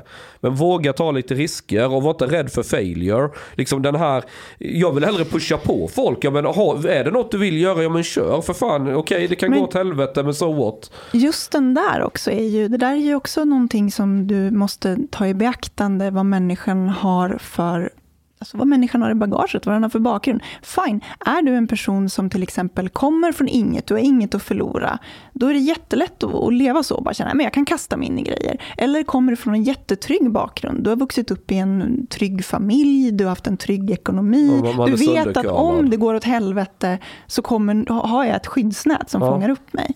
Men alla människor har ju inte det. Du har ju, liksom, du har ju gott om människor som inte har vuxit upp och ska man säga, marinerats i den typen av trygghet. Och då blir ju misslyckandena jag, jag, skulle, jag, jag skulle säga så att de flesta människorna som har marinerats i trygghet blir fucking losers i, i vuxenvärlden. De, ja, min erfarenhet är att väldigt, väldigt många, de, de, eh, de som verkligen lyckas många gånger, de har haft en lite tuff uppväxt. De har fått använda armbågar, de har fått, liksom fått kämpa för då blir du duktig på att överkomma hinder, Mm. eh, ta initiativ, hantera problem, hantera konflikter. Alla de här jobbiga sakerna som, som det innebär att vara vuxen. Fast tittar du på så tittar du, skulle du sluta på världen och titta på alla världens mest framgångsrika människor, så det är en ytterst liten del av dem som har liksom kommit från botten. Är det, är det verkligen så? Bill Gates, vad hade han när han eh, föddes? Det var väl ingen rik familj? Det var en normal jävla... Ja, men han kom ju inte från ett helvete heller. Nej, men... Men, idyllisk. men ta, ta de här nya kineserna som är mångmiljardärer. Hur började de? Det var det. Alltså du, du har... Jag tror många gånger så tror... För folk får en bild av att den som är jävligt framgångsrik har... Har... Eh, att de har matats lite med silversked i mun. Nej, men jag, jag säger inte ens att man behöver det. Det hjälper ju också jättemycket såklart. Eh, jag menar att det, det hjälper att ha en trygghet. Och den tryggheten kan ju visst vara ekonomisk, men den kan också vara helt social. Du har föräldrar som stöttar och älskar Ja. dig. Du har eh, vänner som stöttar och älskar. Alltså det, sånt är också en trygghet. Men så, så, sådana grejer, ja, saknar man den tryggheten så kan man faktiskt skapa den själv. Det är också något som jag tror är viktigt att folk Not förstår. always, Chang. Det, det kommer alltid perioder i livet som är dåliga. Det är dåligt med pengar eller uh, kärleken Tänk, tänk om det är så funkar här inte. då. För jag, här, om jag relaterar till mig själv. Jag var marinerad i trygghet hemma. Inte att jag blev liksom curlad, men jag visste att så här, vad som än händer kan jag komma hem och berätta för mina föräldrar. Och de kommer alltid acceptera mig och försöka hjälpa mig. Så den tryggheten hade, hade jag. Jag vet att den hade inte du när du växte upp, Chang. Men däremot, min otrygghet var utanför hemmet. Eh, för jag var ständigt i konflikt med olika människor som var på mig hela tiden. Och jag började tänka så här, tänk om så här, för att bli så kallad framgångsrik, oavsett hur vi nu mäter det, att du gör någonting som sticker ut. Då. Eh, tänk om, för att bli en sån så måste du ju ha en viss här kuf i dig. Right? Och den, de kuf-egenskaperna kan tendera att göra dig till en större target för folk att ge sig på. Så jag tror det är en delförklaring, jag bara spekulerar vilt här nu, att det kan vara en delförklaring till att varför många som har citationstecken lyckats också haft någon erfarenhet av att typ blivit trakasserad under sin Ja. barndom. För att de har haft den här kuf-grejen som gör dem till en enkel target. Men har du inte den här marinerade tryggheten hemma, ja, men antingen kan det gå helt åt helvete för dig, eller eh, så här, som i ditt fall Chang, du har liksom klättrat dig upp. Eh, Jag, jo. menar, jag, jag var marinerad trygghet och nu sitter jag här bredvid dig. Så Men- liksom, men- det- men- det är Isn't, isn't it though? Isn't it though like the the the the most the, the factors that contribute most to success are IQ and conscientiousness. Inte enbart. IQ No. korrelerar. Men, Eller, ja, det But har, like I, har I mean, like if, if you're really smart and if you're really hardworking, this your chances of succeeding are are definitely higher than if you are the opposite of that. Jo, men, det, det, det, men f- IQ är ju en faktor. Alltså, nu, nu är inte jag expert på det här men det är väl en blandning av miljö och vad du är genetisk. Ja. Ja.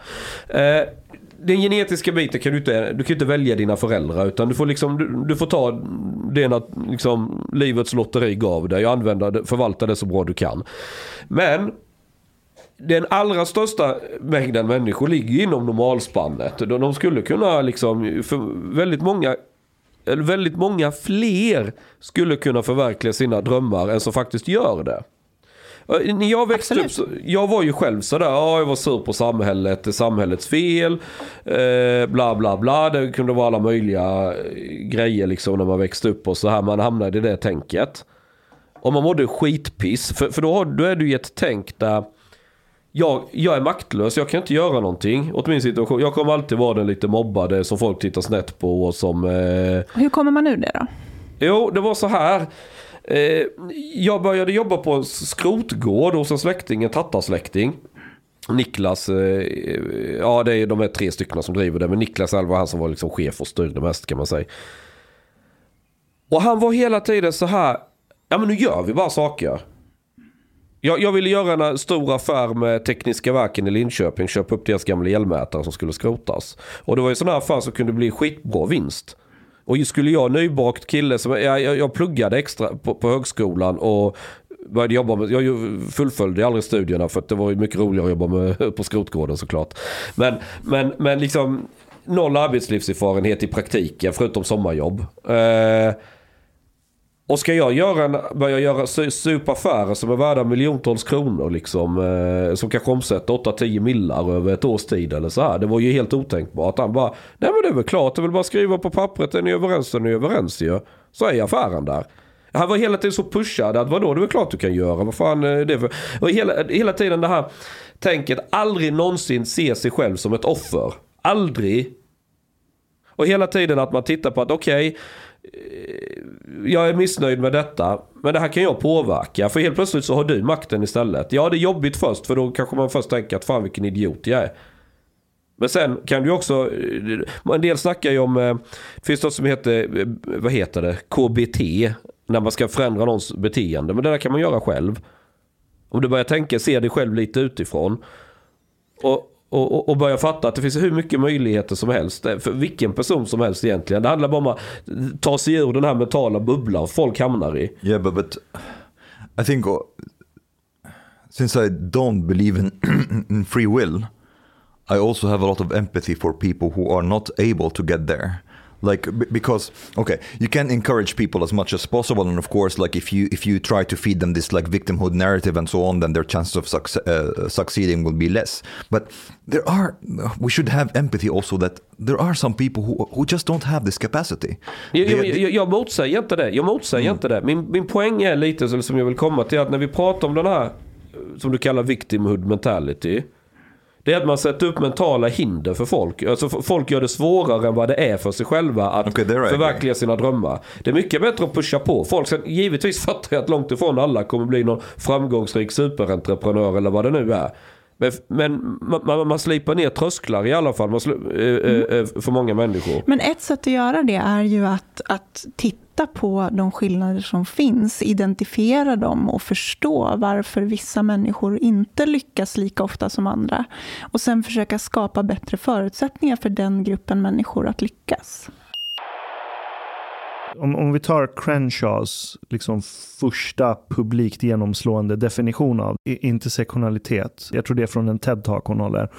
Och då beskriver hon det som ett juridiskt verktyg. Där det var något case där det är en svart kvinna som anmäler arbetsgivaren för diskriminering. Och sen yrkar arbetsgivaren på att nej men vi har inte diskriminering mot svarta. För titta, vi har så här stor andel av bolaget är svarta. Så ni har ingenting på oss. Och då visade det sig att majoriteten av de som var svarta på det bolaget jobbade liksom längst ner i kedjan på typ fabriksdelen eller någonting. Så här, skitdåliga förhållanden, låg lön. Och sen sa hon att nej men det är inte bara för att jag är svart, jag är kvinna också, yrkade hon på i det fallet. Och då sa hon, nej men titta vi har kvinnor här också, alla kvinnorna var sekreterare. Eh, och, och därifrån någonstans, eh, nu förenklar jag det här grovt, men kommer själva idén om intersectionality, att du kan bli diskriminerad utifrån flera attribut. Och som juridiskt verktyg tycker jag att det kan vara utmärkt i sådana tillfällen. Men när man börjar använda det för att analysera orättvishet i samhället i stort, det är då jag blir skeptisk för att i slutändan handlar det om att folk börjar känna sig som offer. Så jag känner mig maktlös, ja, men om vi bortser från så här, trakasserier och mobbning och sånt, när blattefolket på min skola, vilket var rätt många och jag var en del av det. Liksom, ja, det var väl någon storebrorsa som infekterade oss med den idén att så här, men svennarna hatar oss, eh, Sverige är rasistiskt, vi har ingen chans, vi kommer aldrig lyckas i det här samhället. Så, och jag blev också infekterad med den idén, en kort period i alla fall. Jag har aldrig känt mig så maktlös som under den perioden.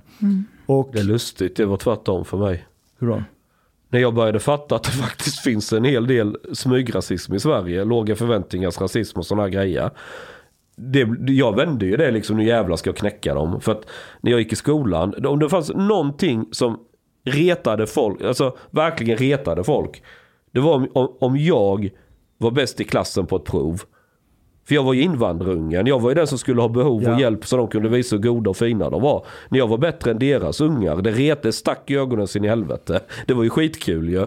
Det var Klart, liksom... Såklart. Men, men alltså, jag tror mycket, för jag skulle på, nu är inte jag vänster eller sån där feminist eller någonting sånt. Men, men ja, det finns en väldigt stor rasism i Sverige. Men den är inte öppen, det är inte trollen på nätet. Ja, men det är ju inte den sortens rasism Mm. Vi fick Men det som jag sa, alla, alla bär med sig, alltså, ja. Men, men grejen är, mina, det var mina föräldrar som drog mig ur det där.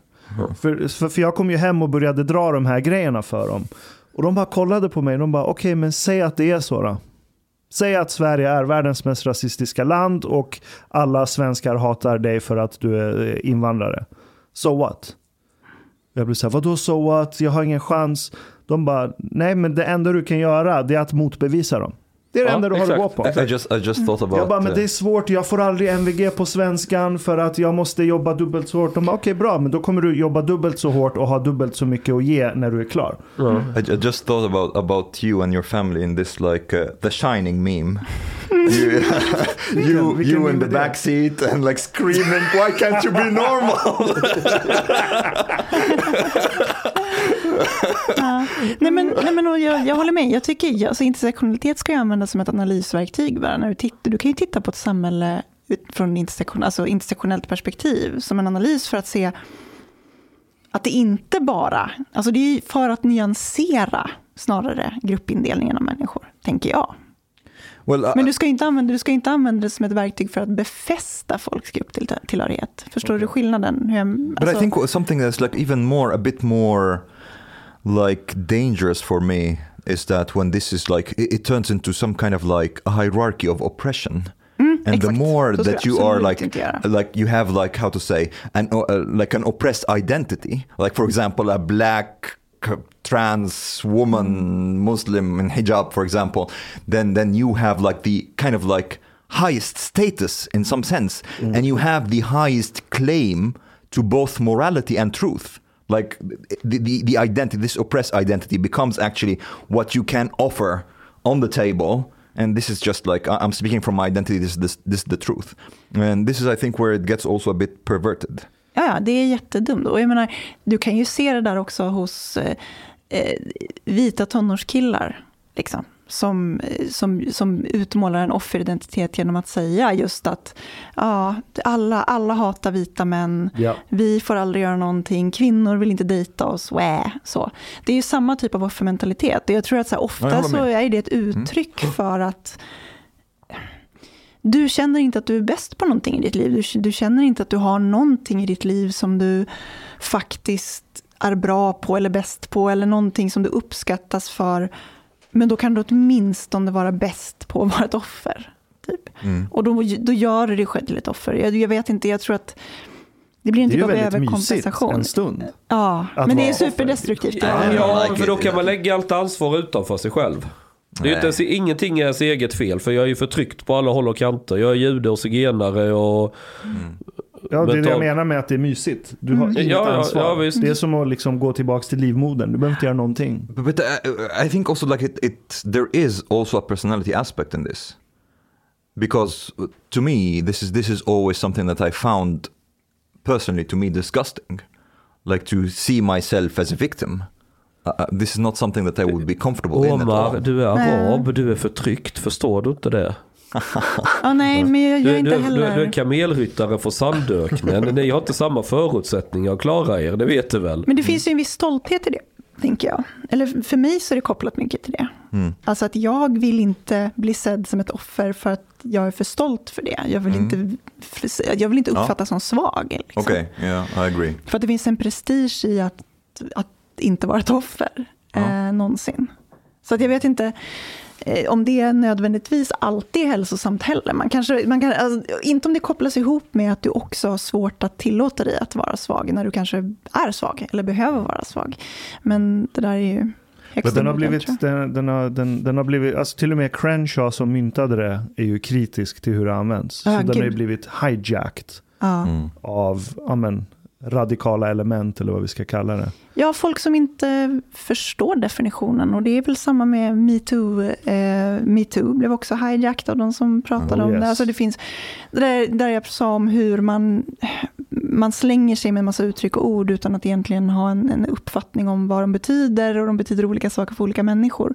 Eh, när, jag, när jag pratar om intersektionalitet som sagt så handlar det väldigt ofta om att okej, eh, Cissi Wallin kanske inte är världens mest förtryckta människa. För att hon är, eh, hon är det. rik eh, framförallt. Jag tror att alltså, inkomst eller pengar är den största eh, faktorn. Speaking För of. förtryck. På tal om Cissi jag ska se om hon svarar om jag ringer henne. Jag ska, vänta, jag ska bara... Eh, För sent. okej. Jag tänkte att jag skulle höra av mig till henne och fråga. Jag har lite, jag har lite åsikter om hennes text. Sätt den på den micken. Ja, men sätt igång den micken. Den är igång. Ja, om hon svarar. Hon kanske ditchar mig. Jävla feminist. Kanske inte svarar. I'm imagining her face looking at her phone like fucking chunk. Du, när hon ringer mig kan hon tjabba i två timmar. Bara kon- jag får lägga ifrån mig telefonen på kudden. Uh, but but before before we get into that, just like want to to uh, comment quickly on on uh, the label feminist.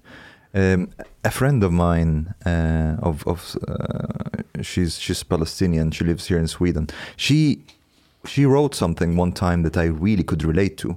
She said, "If someone in the Middle East asks me if I'm a feminist, I say yes." If somebody in Sweden asks me if I'm a feminist, I say no. And this is like made me uh, like uh, realize how also in a, in a cultural context, language and terms can be so different. Det Uh, är som i USA, om du är liberal i USA så är du radikalvänster. Är du liberal i Sverige så är du folkpartist.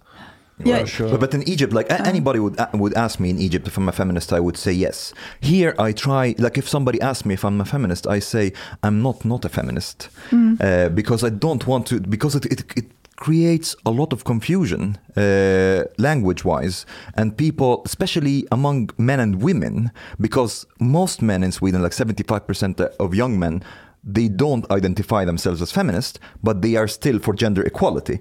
And most women identify themselves as feminist. So when when a man says I'm not a feminist, a wo- the woman hears like, oh, this is like kvinnohatare.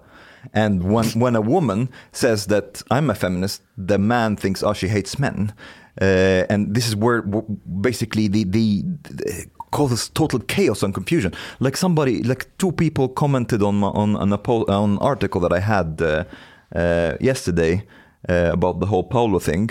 Somebody, like a guy, criticized feminism and said it's like it's a hate movement or whatever, and then like another woman came and like, how can you say that? This is hate, and she wanted me to comment on it, and I was like, I will not get into this. Nej, men det, är, det är totalt poänglöst. Det är därför jag tänker att vi, så här, vi behöver antingen gå tillbaka till grundbetydelsen av ordet. Eh, Too late, Eller så kan vi, ja, men precis, och är det för sent då kan vi lika gärna ditcha det. Jag kör radikal egalitarian. Jag, jag tycker att om vi inför sharia så kommer vi inte ha de här problemen. Ja, men det vill inte Då, vi då, göra. vet ju, då vet ju alla vad som gäller liksom. ja. Well, Shang has a has a side of him that he, he really wants a caliphate. He's like he has like a side that is like Skatterna är mycket lägre i ett kalifat om du följer strikt eh, eh, sharia. det, är, det är den här nedärvda essensen som dina Ja, gamla partikamrater Helt brukar rätt. prata om. Helt rätt. Nu börjar hon komma in och fatta liksom hur det funkar. But, but, but you, you understand that you will not be able to, to drink alcohol. Alltså det är ju mitt kalifat. Det är jag som är kalifen och bestämmer. Det är inte... Uh, okay, maybe you will have Jag, jag, jag, kommer göra en regel att den som, den som ultimat får uttolka Koranen, det är jag. Och du ska se mig, det kommer vara värre än när fan läser Bibeln. Men det är det här jag menar, du är en individualist och det är helt okej att vara en individualist. Så länge du är medveten om att, att så här, om, om alla funkade precis som du så skulle det vara totalt kaos. You, you reminded me of, of uh, a- a Syrian uh, guy that I knew here here in Sweden, that I, that I lived with uh, when I first came. He, he he used to drink alcohol, but at the same time he supported ISIS, and he said, "Yeah, well, why not? Like we, we want a caliphate." I was like, "But you're drinking alcohol. You understand that if ISIS, like under ISIS, that they would whip you, right?" Ja. He's like, "Haha." Men det där är väl generellt så här, folk som Det är ideologer. Det, det kallas att revolutionen äter sina egna barn. Det, det är ett uttryck eh, för just det där. Jag vill lägga till det också, Ja. för, att jag, för att jag riffar på dig och säger att om alla funkade som du skulle samhället vara totalt kaos, så vill jag säga så här, skulle alla eh, i samhället vara eh, tråkiga, safe, eh, jobbar på kommunkontoret i Säffle, Ja. jobbar åt sossarna, eh, om alla vore sådana. Ja. Ja, då skulle vi ha ett väldigt tråkigt samhälle. Varför hatar alla på Säffle? Jag, jag är från, Jag vet inte, Säffle. jag- jag jag tror är från all- Säffle. Jag tror aldrig jag nämnde, jag brukar försöka, försöka ta nya ortsnamn varje gång. Ja, jag sa bra. Flen väldigt länge. Jag sa Grums väldigt många gånger, Mm. för jag har varit där vid flera tillfällen. Jag- jag brukar köra med det nu. Jag ska köra Nässjö från och med nu. Jag, jag kör alltid knäckebrödhult för det finns inte. Då kan ingen Ja, bli sant. kränkt. Safla is a, is a curse word in Arabic. Säffle, vad Mm. betyder det? Uh, well, it means um, someone like uh, something like treacherous. Aha. Och Omar, jag måste berätta en annan sak. Jag och Ashkan har ju, vi, vi, vi spånade fram en dålig företagsidé och så skulle jag försöka få tag på ett bolag som kan hjälpa oss med detta. Vet du vad de hette? Tell me. Eir. Är det sant? 100% sant. Wow. Ja. Eir Försäkring heter de, ett norskt bolag. Som alltså betyder manligt könsorgan på arabiska. Ja, och kuk heter det. Eh, Jag ska läsa högt ur Expressen från idag, onsdag den 2 juni. I nådens år 2021. Verkligen. Gud så jag skäms. Vad fan höll jag på med? Vad ville vi förändra med denna moralpanik över några tramsiga låtar? Ingen visste, men vi rasade och det gav klick och reaktioner.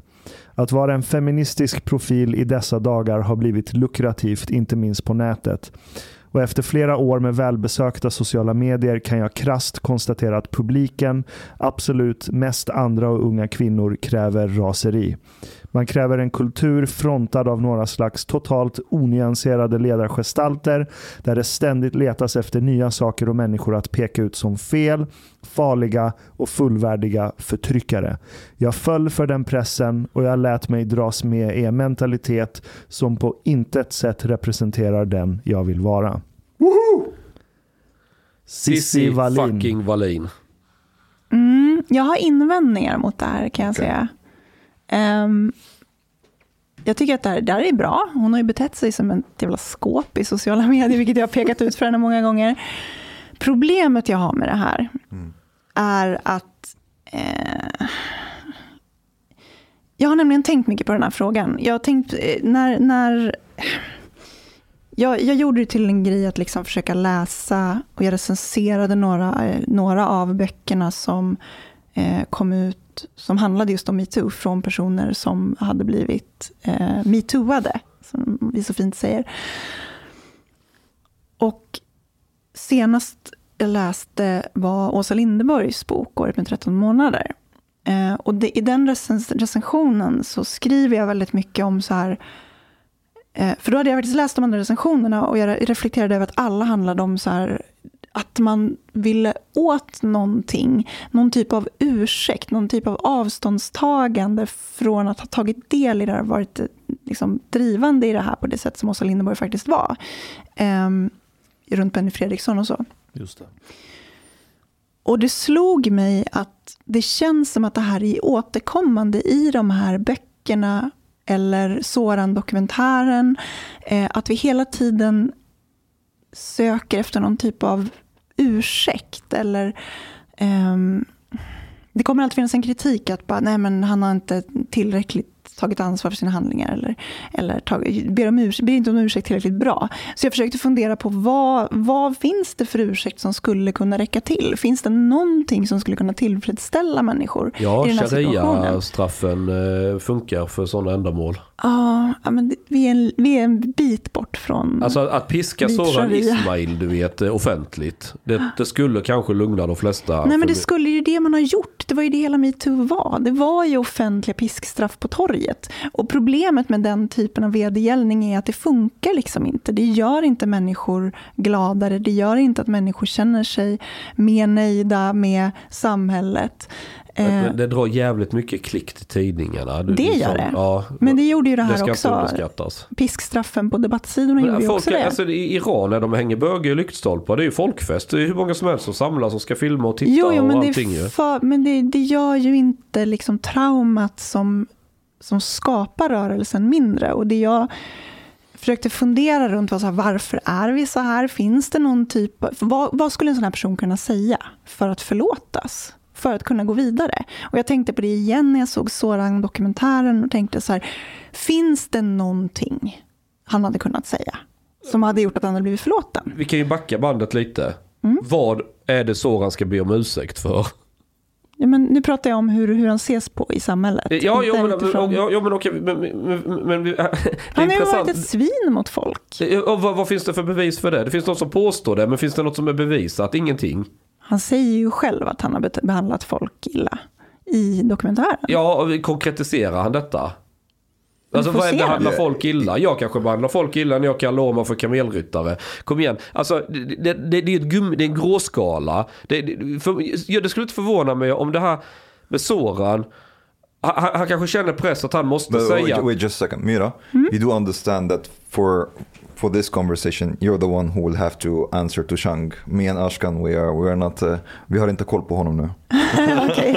Nej, men min, min, min poäng med Soran här är att Paolo Roberto gick i den fällan. Han, han sa i tv att ja, hon var säkert dittvingad eller vad han sa. det han var hade ingen anledning att tro att det var så. Men han, han, han trodde att jag måste säga detta för att Det framstå var som... det absolut dummaste. I och för sig så vet jag inte hur smart Paolo var. Nej, han är inte så smart. Nej. Jag har pratat mycket med honom. Folk som jobbar med att bli slagna på käften brukar inte vara det. Märkt. Eller blir det inte det? En, inte en, en vän till Paolo beskrev det så här. Han har boxat bort halva hjärnan. Och jag, Ja. Mm. jag, jag, jag förstår varför det beskrivs så. Men, Men- Paolo är en jättesnäll person. Jag tycker verkligen om honom på alla sätt och vis. Mm. Men han, skulle, han är inte duktig på att krishantera sig själv i media minst sagt. Men bortsett från det. När det kommer till Soran.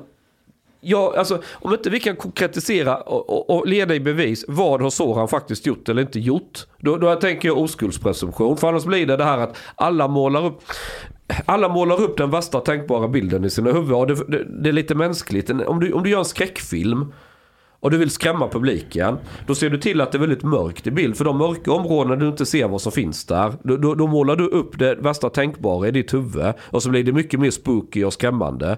Det är samma sak med Soran. Det, det, det, det, finns någon vag beskrivning. Han, han har varit lite eh, snuskig eller gått för långt med tjejer eller någonting påstås det. Men vad exakt är det han har gjort? Det, det är, jag har inte sett det någonstans en konkret he, beskrivning. he himself has, has gone through what he has done in the documentary. Se dokumentären. Ja, Den jag, jag tittade på det, jag blev inte klokare. Vad är det? Well, uh, I- think for, for me, the part that I didn't really understand. Jag berättar för again, dig med en mening. Vad är det han har gjort som är så hemskt? I can't remember exactly. Nej, exa- exakt. c- Om coming, coming in girls' Exakt. hair or whatever. Like maybe, maybe things that maybe he thinks that they didn't ask for or something. I can't remember. Oh, Okej, details. okej. När det kommer till Paolo så kan vi fråga exakt. Ja, han köpte sex av en prostituerad. Det kommer jag aldrig ihåg för det, var, det fanns något konkret. Det finns inget konkret med Soran. För annars hade alla här He, vetat det. he, did say, but I can't remember. I think. Nej, precis. Du kommer inte ihåg. Så, no, så but- allvarligt var det. För, för mig är det ganska irrelevant. Därför att jag ser det ju som att det här är återigen, han är en offentlig person. Han är ju en unik, en unik position där människors, hans karriär bygger på människors uppfattning av honom som person. Precis som en person som jobbar med att tycka saker kommer påverkas av cancel culture på ett annat sätt. Ehm, men generellt så skulle man kunna säga så här, ja men om, om en person är svinig så kommer folk att säga, men jag vill inte jobba med den där människan, han liksom är så jävla otrevlig. Eller, ja men du vet, han blir för full och tafsar på folk på Ja, sure, företaget. that's Nej, about- Alltså, jag, jag försvarar inte hans karriär eller någonting sånt. Jag bara, så här. Ja, det- det på, alltså, vi har ju... Han målas ut som någon jävla sexualförbrytare. Men är han det? Alltså jag har inte sett ett bevis, ingen har övertygat mig på något sätt. Jag har läst om det, jag har kollat dokumentären och allting. ja, Men måste man vara sexualförbrytare för att man inte vill Ja, men vara... vadå, ska han vara hatad offentligt för att han var socialt klumpig på någon jävla fest när han skulle ragga på en tjej? Är det det det handlar om? No, Då ska väl varenda jävla it- it kille was- låsas in i eh, It, häktas? it was not that light, Chung. Have you seen the documentary? Ja, det har jag. Jag blev inte klok på det. Jag, jag blev fan inte klok på vad det var. He himself says that he's done things that he's not proud of, and he's he's Ja, det done har väl jag också gjort. Yes, but I mean like things that can be. He he said that. Um, okay, but but here is here is the part that I think is a bit confusing. Again, because if somebody like I think also that the the parts that or like some of the women who accused him of rape, it was really like he forced himself on them. And and for me it's a bit strange if somebody would accuse me of that and I know that I definitely did not do that. And then I'll be like, huh, I don't know. They have their like their own perception of reality and have mine. I'll be like, what the fuck, bitch? I did not, I did not rape you. I did not force myself on you. And he, he, and he's like, I'm ashamed. And, and Ja, men det for så- me, this, this behavior is a bit strange if you think that you have not, Ja, if you vad haven't done missar, something vad, wrong. du, vad du missar det är att när, innan Soran blir filmad, då, då tänker han igenom vad ska jag säga för att få komma tillbaka in i värmen? Han skiter i vad som är sant och inte. Han vill ju rädda sitt skinn. Där- Därför kan du inte... Well, du kan think- inte det, det är som om, du håller, om jag håller pistolen mot Myras huvud och säger Erkänn nu att du suttit och näthatat i haveristen och ni var jätteelaka. Annars skjuter jag dig. Kan du lita på hennes utsaga oavsett vad hon svarar? But, but but come on. I mean, like, also, what would bring you back into the warmth, saying that clearly and definitely I did not do it, or I don't know, maybe I did, maybe I didn't. Depends on how you interpret it. I think like it's much it's much better to say I didn't fucking do it. Ja men det är samma med Paolo. Folk, folk är ibland sina sämsta försvarare. Men du kan alltså, när du ska döma en människa. Du kan inte bara titta. Ta Thomas Quick. Han erkände ju hur många mord som helst och allting var ju bullshit. Folk, är- du kan inte Jo, fast utgå... Thomas Quick är ju djupt eh, psykiskt störd. Men och? Det, vi handlar, Ja, vi men du handlar kan om inte använda honom, inte. men du kan ju inte använda honom Ja men som det är gråskala. Folk, jag är lite lätt psykiskt störd säger vi då, så jag kanske... Okej, men nu får du vara tyst för jag ska Ja. prata klart. För att Titta matriarkatet här- är igång här nu. det jag skulle komma till var i alla fall så här, o, oaktat vad de har gjort. Jag menar bara att om du är i en position där människor har en bild av att du har gjort någonting. Eh, du har, vi skulle kunna kalla det missbruka makt, för det är det det handlar om väldigt ofta. Han har använt sin status som kändis och så vidare för att på olika sätt utnyttja folk. Sen i vilken utsträckning han har gjort det, vi vet inte, det finns inga, det gick ju inte till rättegång och det säger han ju själv liksom att det är ett problem. Men jag var väl mest intresserad av så här, vad skulle jag personligen känna skulle kunna, skulle kunna göra att den personen, att den har liksom sonat sitt brott. Och ni vet, så här, det, det här är inte ett brott, men Yes. i, i allmänhetens ögon. Och det jag kom fram till till slut var att jag tror att det handlar väldigt mycket om ansvarstagande. Alltså att, att se, att förstå sin egen roll i vad som har hänt. Eh, och därifrån kunna gå vidare till att, att faktiskt göra förändringar. För det är omöjligt att förändra ett beteende om du inte har någon aning om vad du har gjort eller om du inte är villig att ta ansvar för vad du har gjort. Och det är mitt problem med sådan dokumentären till exempel. Är just att han är som du säger, väldigt så här, ja nej men de har ju rätt i sin upplevelse, men jag vet, jag tycker inte att jag har gjort någonting. Eh, vilket får mig att tänka att fan du har haft flera år på dig under psykologstudier att rannsaka och försöka komma på vem, vem du är i det här. Okay, but, but would it have been like better or easier for you to if he just like came out and said, "Well, I didn't fucking do the things that they said I did." Ja, ja men alltså, mm, alltså precis därför att det är tydlig, en tydlig position. Och det känns som att han är, ha- han är halkig liksom. Han är slippery. Eh, på ett sätt som får mig att tro att han inte riktigt har landat i vad som har hänt och vad han är villig att acceptera och inte. Så att jag var väldigt mycket inne på liksom att det handlar om att, att, att visa att man har verkligen rannsakat sig själv i situationen och försökt förstå vad man har gjort. För att det är en förutsättning för att kunna jobba på det. Och det gäller ju liksom, vi behöver inte, liksom, det gäller inte bara såren, utan jag menar som ett bredare begrepp. Ta Virtanen, samma grej. But he said that he didn't do it, han, eller hur? Ja. Men He han, sa också, men han eller? sa också att han hade varit ett svin mot kvinnor. Att han hade varit, alltså han, liksom, ja, men han, har ju, han har ju på något sätt djupare, och det tycker jag man ser i hans bok också, liksom, gått in på att försöka förstå varför det kan ha blivit som det har blivit. Eh, och sådana grejer. Och det är det jag inte känner med Sissi.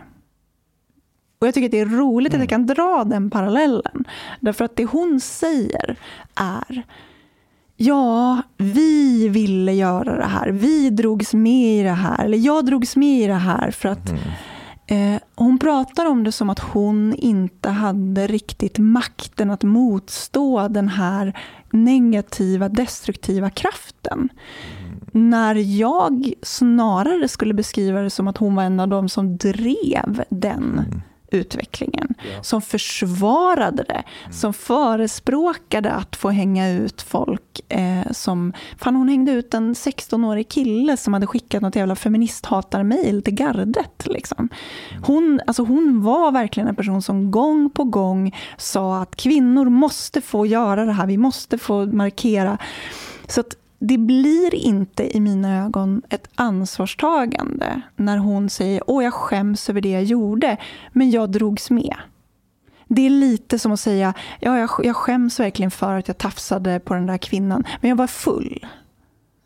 Ja. Okay. Så det kommer, en, det kommer liksom en bisats där du frånskriver dig ansvar. Men man var ju, Eh. var ju full ju. Alltså, var du? Eller Sissi? Får man inte tafsa på folk när man är full? Fråga gärna Lam- Lamberts, han är, han är proffs på det där. Nej, han kladdade bara lite, han tafsade inte. Det är Nej, jävla skillnad. Precis, det är därför du ska gå dit för att lära skillnaden. Vi måste bjuda in Lambert. Jesus. Ni kanske kan ta en liten paus och bjuda in lite fler PK-människor så att ni får... Folk är så jävla ängsliga av sig. Det är därför vi har dig här idag Myra. Ja, precis. För jag är super-PK. Jag är känd, känd super-PK. Det där påminner lite om eh, en upplevelse jag hade på Hyper Island där jag jobbade mycket förut. Det här var kanske fyra år sedan. Där det var, ja, men det var en stor sal med 300 studenter och jag höll låda liksom i några timmar och sen var det Q&A efteråt. Och det är internationella studenter med, alltså allting är på engelska. Och det var någon som frågade någonting om så här betalningsmedel, kryptovaluta, porr och religion.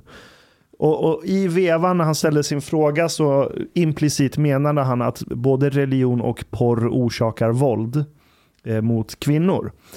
Och så, här, så jag svarade på frågan, för den handlade mest om krypto. Så jag svarade Mm. på frågan så gott jag kunde. Och sen sa jag så här, what's, the, what's the connection between crypto and this? Han, undrade så här, "Tä- om jag startar en eh, hemsida som handlar om religion, då kan jag liksom ta betalt för mitt content med Mastercard. Men om det skulle vara en porrsida så blir det jättesvårt att jobba med de betalningslösningarna. Mm. Hur kan internet liksom vara maktbrytaren? Jag bara, men krypto. Eh, Men sen sa jag att by the way, så här, jag dömer inte dig, vill du starta en laglig porrsajt, så här, do it, good for you. Och så var det lite fniss. Men sen sa jag så här, by the way, jag skulle vara försiktig och säga att religion och porr causes violence. Förmodligen så de flesta som håller på med våld, oavsett om det är mot andra etniska grupper eller mot kvinnor, de kommer också förmodligen, många av dem, kolla på porr. Eh, eller kanske tillhör en religion. Så jag skulle vara jävligt försiktig med att säga att det är kausalt. Sen blir det kaos för det är någon student som reser sig upp och börjar ställa massa konstiga frågor om att eller hon sa så här, jag har inga frågor till dig, jag ska korrigera dig. Porr orsakar viss våld, du måste läsa forskningen. Och det här var under vevan när, eh, när man ville införa något jävla internetfilter i Sverige. Det vill man but wait, fortfarande. Fortfarande, men det var när det började. Och så använde man porr som slagträ. Do you understand like if, if I was there, Ja. I would have been that girl, but about religion. Jag vet, jag vet. Exakt. Eh, Och, så jag hade ju suttit och läst skitmycket forskning om just porr den veckan av en ren slump.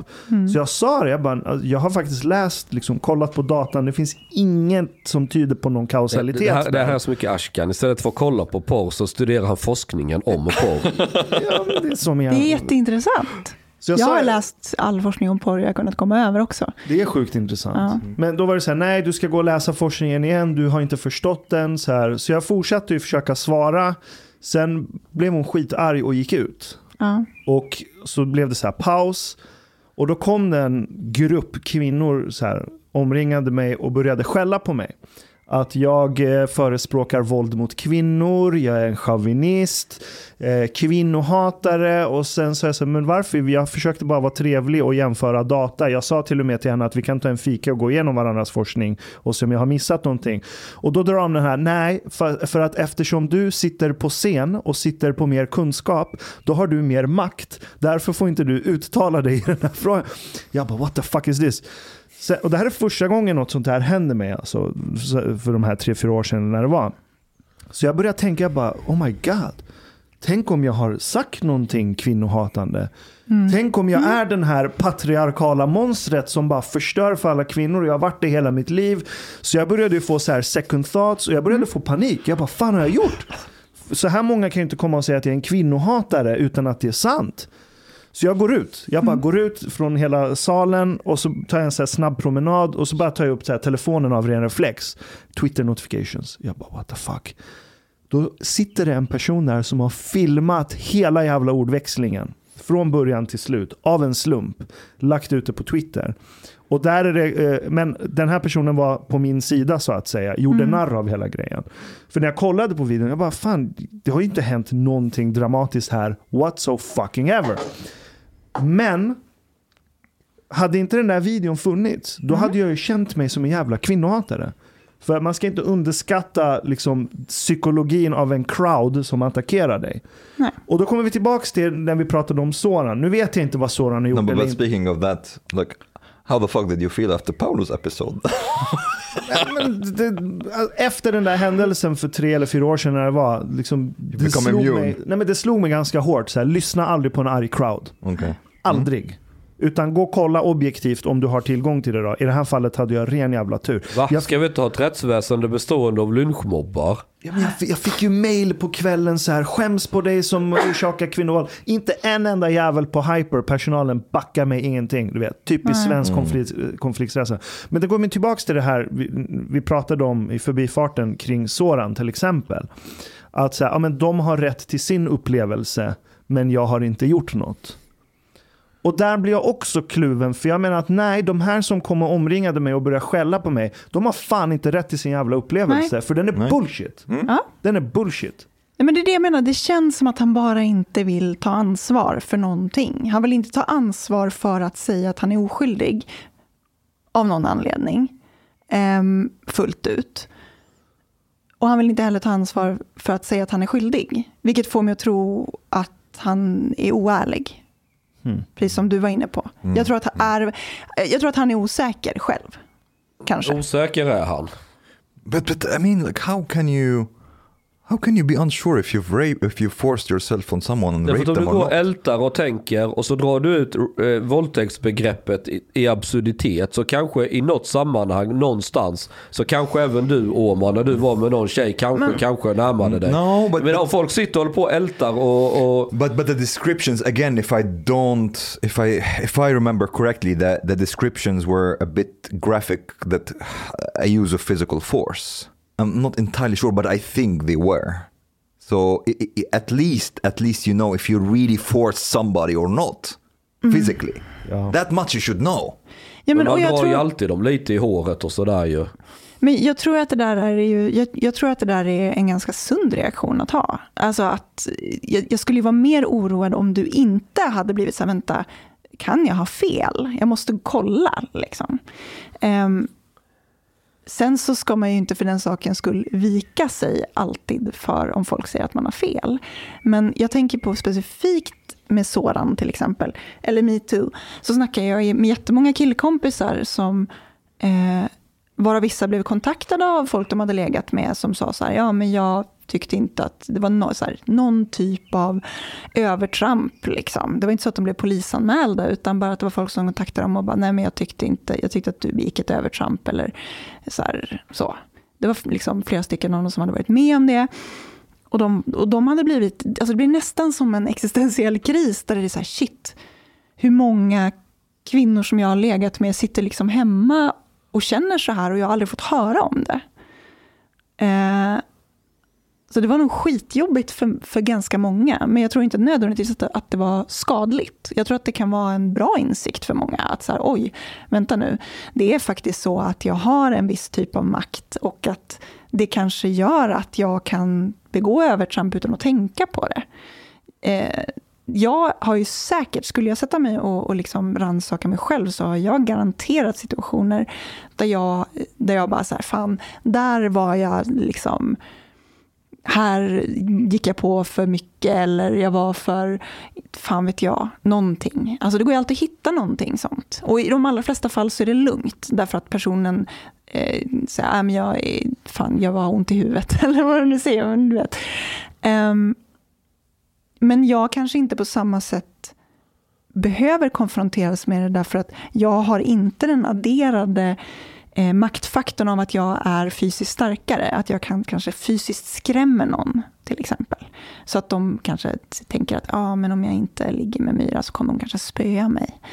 Eh, så att det finns ju en maktfaktor där också som gör att det är lite skillnad. Men eh, Okay, Där so är- for, all the guys who are, who are listening to this right now, you don't have to be scared of Mira. nej. Ja, har du varit med någon gång då där, där du har haft sex trots att du egentligen inte ville? ja, Oj då. Gud ja.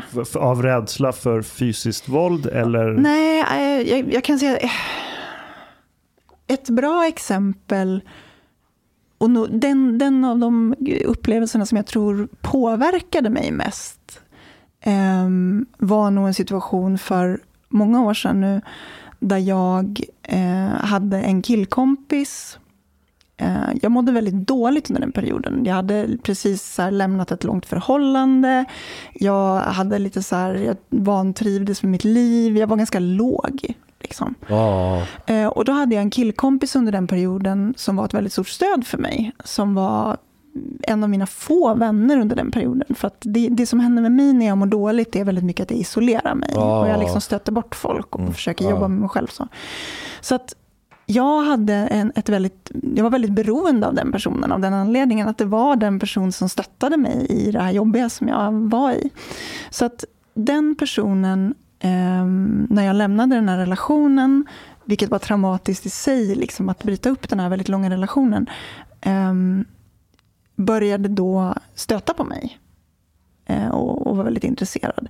Och i det läget så, så var jag rädd för att om jag nobbar honom så kanske han inte vill vara här längre och stötta mig. Därför att i mitt huvud så tänkte jag att okej, han har varit här och varit min vän, men så fort jag blir singel så börjar han ragga. Så att förmodligen så var det därför han var där och var min vän hela tiden. Så att om jag säger nej, Surprise, surprise. Surprise, surprise ja. nej men om jag säger nej så kanske han eh, klipper med mig. Right, Och då är jag helt ensam. right. Så att i det läget så kände jag att nej men det är bättre att få det överstökat, ligga med honom och få det överstökat. Så att jag inte förlorar den här personen som är liksom den enda livlinan jag har just nu. Det enda som, som får mig att känna mig trygg. But, but you would never describe this as jag you skulle aldrig consent, beskriva... for example. Eh, nej, nej, nej. Jag samtyckte ju. 100 procent. Men var, var inte det en okej trade-off då? Nej, det skulle jag inte säga. Men eh, alltså inte, det var, jag skulle inte säga att han har... Jag skulle fortfarande inte säga att han har begått ett övergrepp. Eh, utan det är snarare jag som har begått ett övergrepp på mig själv. Jaha.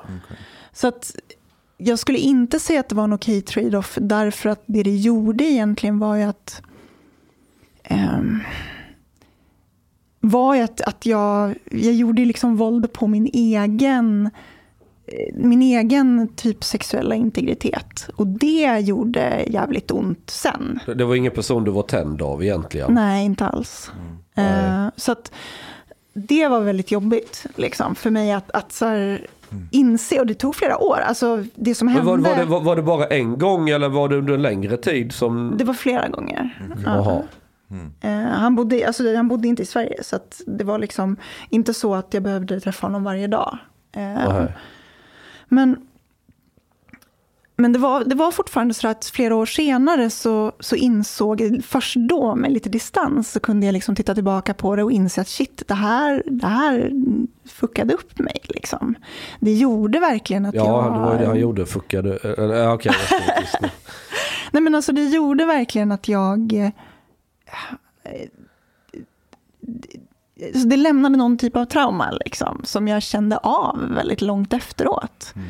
Ehm, men jag var aldrig arg på honom, utan det som hände i, i situationen där var ju att efter att vi hade träffats ett par gånger så, så blev jag bara så här, jag pallar inte. Därför att varje gång som jag träffade honom så hade han förväntningar. Och jag var bara så här, det blev, jag var, blev liksom livrädd för det. Så till slut så bara, jag vill inte träffa dig mer. Och så bara klippte jag med honom. Ehm, och sen flera år efteråt så fick jag hantera det där och, och försöka komma på vad, varför blev det här så jobbigt. Ehm, för jag är ju generellt inte av, av man säga, tron att du måste till exempel vara kär i någon för att kunna ha sex med dem. eller sådär. Men det som gjorde att det blev ett trauma var ju just att Du kände dig beroende. Ja, precis, jag var, jag var, det var makt. Eh, Han hade lika gärna kunnat haft en pistol mot huvudet på mig. Så att det var ju ett tvång. Och jag vek mig för ett tvång. Varför får Men det jag var en ju bild i jag huvudet som av en hade- arg skrikande dalmas? Ja, det, det var inte, det var nej, inte han. nej, nej. Men ehm, But but you can you can say also I don't want to trivialize that for you, but you, you can say also somewhat that it was also unfair towards him because it would be the same thing like for example if I if I know that a girl is like really into me and I'm not into her at all and I know that this is not going anywhere and I just like you know uh, um, uh, keep her on the hook or like sleep with her just you know whatever and uh, that is also unfair towards her not just myself Ja, ja absolut. Ehm, och, och det där fick jag ju liksom rannsaka mig själv i också. Eh, och insåg precis det.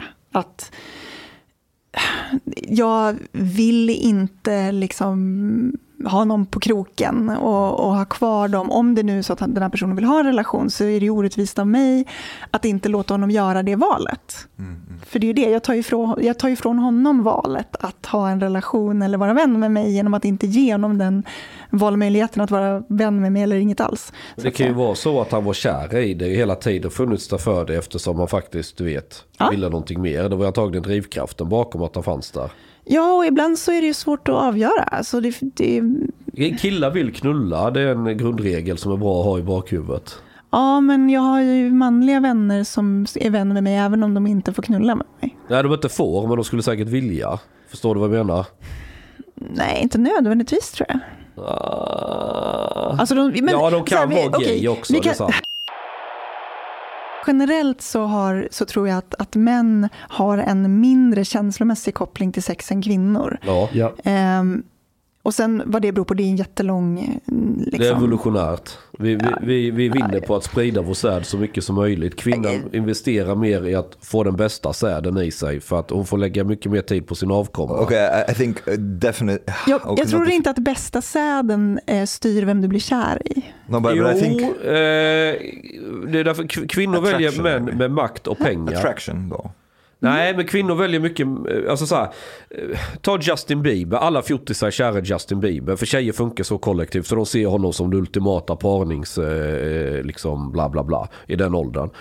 Eh, och det är väldigt, alltså det finns statistik på Tinder, 10% av killarna får typ ligga med 80% av tjejerna eller vad det är. Det är liksom, väldigt mycket tjejer dras till väldigt mycket samma Well, women, women are definitely more sexually selective. Yes. Ja, ja. Eh, och, och, för man, man, vill ha liksom den bästa. Sen vad som från en kvinnas sida definieras som de bästa egenskaperna är jag inte expert på. Men makt, pengar, där någonstans. Yeah, but but but I think eh, at the same time, the, eh, at least to me, it seems clear that this is like a lot of other things. It's a nature nurture combination because if you look at at societies that are really sexually conservative. Uh, where where women women's sexuality is controlled, shamed, for example, it's not like it's it, it's actually against the social norm or the religious norm uh, that a woman would have sex without marriage and so on um, you can see if you compare women in Egypt and women in Sweden, you definitely women in Sweden are definitely more promiscuous in their behavior. That is not necessarily because they are so different in nature, but there's also a social aspect that affects their social their sexual behavior. Ja. Det, det Ja, ja, det är allt styrs ju inte av gener. Jag bara Nej. pratar om liksom grundläggande drivkrafter. Sen, på, Ska vi- sen ska- har du ju ett lag av sociala normer som, som eh, kanske dämpar eller förstärker och sådär. Ja, bara, bara vad som är makt skiljer ju sig i olika re- miljöer också. Och, och grejen är att, okej, obviously, i, bland primater och Homo sapiens, det är kvinnan som är the sexual selector. Punkt. Men kruxet för Homo sapiens det är att hos de flesta primater då hittar du antingen primater som är så kallade tournament species och där så är den sexuella ekonomin som så att eh, hanarna liksom bara vill sprida och vara så promiscuous som möjligt. Eh, och sen har du per och kvinnorna selekterar utifrån det också. Så här, den som är mest alfa kommer alla vilja para sig med. Eh, men sen har du också pair bonding species hos vissa primater. Eh, och det ser du på skillnaden i skallstorlek mellan eh, de olika könen. Eh, För om det är ganska lik skallstorlek mellan könen, då betyder det att det är förmodligen en pair bonding species, där honorna selekterar, inte på mannen som nödvändigtvis är mest alfa och kan slå sönder alla andra, utan en man som är så kallat lite mer feminin, det vill säga omhändertagande och kommer investera tid i relationen. Problemet med Homo sapiens är att vi är fucking confused. Vi är både och. Och det verkar skifta. Eh, sen vet jag inte om du föds som mer tournament eller mer pair bonding eller om det skiftar under ditt liv. Det vet jag inte. But I- Men vi är en jävla soppa av båda not- två. Om du tar med, om du tar med tuttstorlek i ekvationen så kanske det blir lättare att se. Det finns, ja, men kolla, det, det, det är därför det finns män som, eh, eller det finns människor som dras till en viss tuttstorlek. Sen finns det människor som totalt skiter i det. Yeah. Helt och hållet. Det blir ju extra intressant om vi börjar prata eh, sexualitet utifrån i termer av, av homosexuella eller bisexuella eller eh, alltså, mot kön. Om man tittar på transpersoner till exempel. Eh, just det där hur mycket bara för att åskådliggöra hur svårt det är att definiera exakt varför vi dras till en viss person. Eh, jag som straight kvinna då. Du har Eh, aldrig haft läbbat dig med någon? Nej, Nej. Ens inte tänkt att prova? Nej. jag är inte så jävla intresserad. Jag är bara... Nej, jag bara kollar, jag Ja. bara kollar. He, he just broke the heart of all our female listeners, which are like Ja, men det, det, beror, five women maybe. det, beror på, det beror på vad de är villiga att betala skulle jag säga. Alla har ett pris, det borde du veta Chang. Ja men jag, jag skulle inte betala för att du ska läbba dig. Vad Nej, ska men jag jag, göra det? säger till, jag säger till era lyssnare. Som jag Ja, ja, ja. Myra hon här vill Jag göra vill lite... bara- ja, jag det vill bara inte att de jag. ska känna sig jag, jag, jag stöttar dina eh, entreprenöriella ambitioner. Chang, det här. är koppleri. Men jag har inte sagt att de ska betala något till mig. Så att jag tjänar ju inget på det så är det Nej. inte koppleri. Nej, men Ett tipspeng kan jag väl ta i och för sig. Men. but but but is it is it like the, just the skull or or the the the size? Because I, I read that it's like the size in general, and like uh, and they compared, for example, gorillas. vad är det man säger? Sexual dimorphism? Alltså Ja, hur mycket, precis, ja. precis, Precis. precis. Uh, dimorphism in general. Ja. Uh, and and uh, we are like Homo sapiens are mm, like not as much as gorillas, but not, definitely not identical or like there's no. uh, Inte identical. Alltså, i- but men I mean, on average, there is still like a significant. Uh, det, well, det, det, det är blandat. Det är blandat. Det är det som är så Is it though? Like uh, uh, in in which country on group level the uh, the average of, of the size of uh, women is bigger than the size Nej, nej, of men? Skull. Skull size. But I mean, um, För den sexual påver- dimorphism is like the body in general. Ja, men det finns säkert andra paramet- kroppsliga parametrar också. Men Okej. skallstorleken avslöjar ganska snabbt om det är pair bonding eller tournament. Men för Mhm. Intressant. Homo sapiens, det blir grötigt. För det är så här, är det verkligen så? Är det inte så? Och, och det är där det blir problematiskt. För du har, mig säga, vissa kulturer är designade för att vi är tournament species. Där männen kan ha 40 fruar och liksom kvinnorna får aldrig ligga med någon annan. Arabs. Arabs. Inte alla araber. men- inte, inte alla Inte alla araber. här, jag, jag har en fundering. Jag har, Okej, okej, ja. Okay, go go. Men, men sen har du andra kulturer, ja men ta Sverige, där, där det är helt okej, i alla fall på papper, att man får ligga runt och så här, utforska sin sexualitet. Och det, det blir, det blir, det, Inte om man heter Soran, då fick man tydligen inte. Jag vet inte vad han har gjort i detalj, så jag ska inte Han uttala har mig om honom. utforskat sin sexualitet. Eh, Men, men där blir det problematiskt, för, för juridiken här är fortfarande uppbyggd kring starkt pairbonding. Right? Det finns många straff du får betala rent juridiskt Och kulturellt. och kulturellt. Fuck yes. Eh, Okej. Men jag funderar på det. Myra hon säger att hon kan ju tänka sig läbbsex mot rätt betalning. Omar, skulle du kunna ha sex med en kvinna för, för, mot betalning om priset var rätt? Uh, yes, but it, she she would have to be attractive enough for me to be able to get the erection. Så på en 0 till 10 skala, var går gränsen? En 4, en 3? Eller ökar priset ju lägre ner de är? Alltså, jag, jag tänker så här, om man säger att man inte skulle kunna tänka sig ha sex någonsin med någon mot betalning. Jag vet inte, jag tror bara att folk ljuger. Det handlar ju bara om summan pengar. Det tror jag med. Alltså om någon skulle ge mig 10 miljarder, då skulle jag ha sex med vem fan som helst. Jag tror inte det finns någon som skulle tacka nej till det överhuvudtaget. Jag skulle definitivt tacka ja om det är 10 miljarder. Ja. Så Oavsett. om det är någon som är... ja, men jag menar bara, det, det, det är det här, jag vet Alltså inte. bjud mig på lunch och en kall öl så är det lugnt. Så fixar Ja, ja. Nej, men alltså, alltså, jag har ju skrivit, skrivit ganska mycket om, sex, om sexköp. Så. Eh, och min, min inställning i sexköpsfrågan är ju alltid det där att, bara, fast vänta nu, det finns, ju, det finns ju en transaktionskultur runt sex redan, som det är.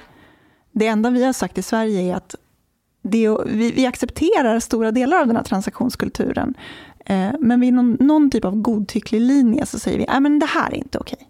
Eh, du får inte ta pengar för det. Och för mig är det ologiskt och därför jag inte gillar sexköpslagen. How have feminists in Sweden not decapitated you yet? De, de, jag vet De är väl inte. ganska på dig vissa. Ja, vissa av dem. Men nu ignorerar de mig bara. De har kommit på att det är lättare. When did sex negative feminists win the feminist sex wars in Sweden? Bra fråga. Jag har tittat på det där. Alltså jag tittade på sexköpslagen väldigt mycket. Ehm, och en intressant parallell är ju att när, när vi skulle införa sexköpslagen, eh, för Tyskland till exempel gick ju åt andra hållet och legaliserade sexköp. Eh, och Tyskland generellt är mycket mer sexpositiva, hade en mycket mer sexpositiv feminism. Men jag skulle säga att Sverige har alltid präglats av sexualmoralism. Det är liksom inte någonting som kom med feminismen, utan det har alltid varit ganska sexualmoralistiskt. Och då är det logiskt att även feminismen blir ganska sexualmoralistisk eh, som en följd av det. Eller inte bara sexualmoral, alltså moralistisk i största allmänhet. Det är liksom jante och det, man får inte röka gräs och, och liksom, man får inte ha för kul. Eh, så här, I största allmänhet. Så att, och jag, jag, tror inte, jag tror inte att... Men tänk om folk har roligt, så kan vi väl inte ha det? So it's a, it's a bit of puritanism. Ja, lite. Det finns ett protestantiskt arv i det där. Ja, det skulle nog vara min take också. Att det är Kroppslig asketism. sedlighet. Liksom. Ja, ja, men det är precis. Vi är tysta och starka och stoiska. Och vi håller inte på med massa hedonistiska dumheter.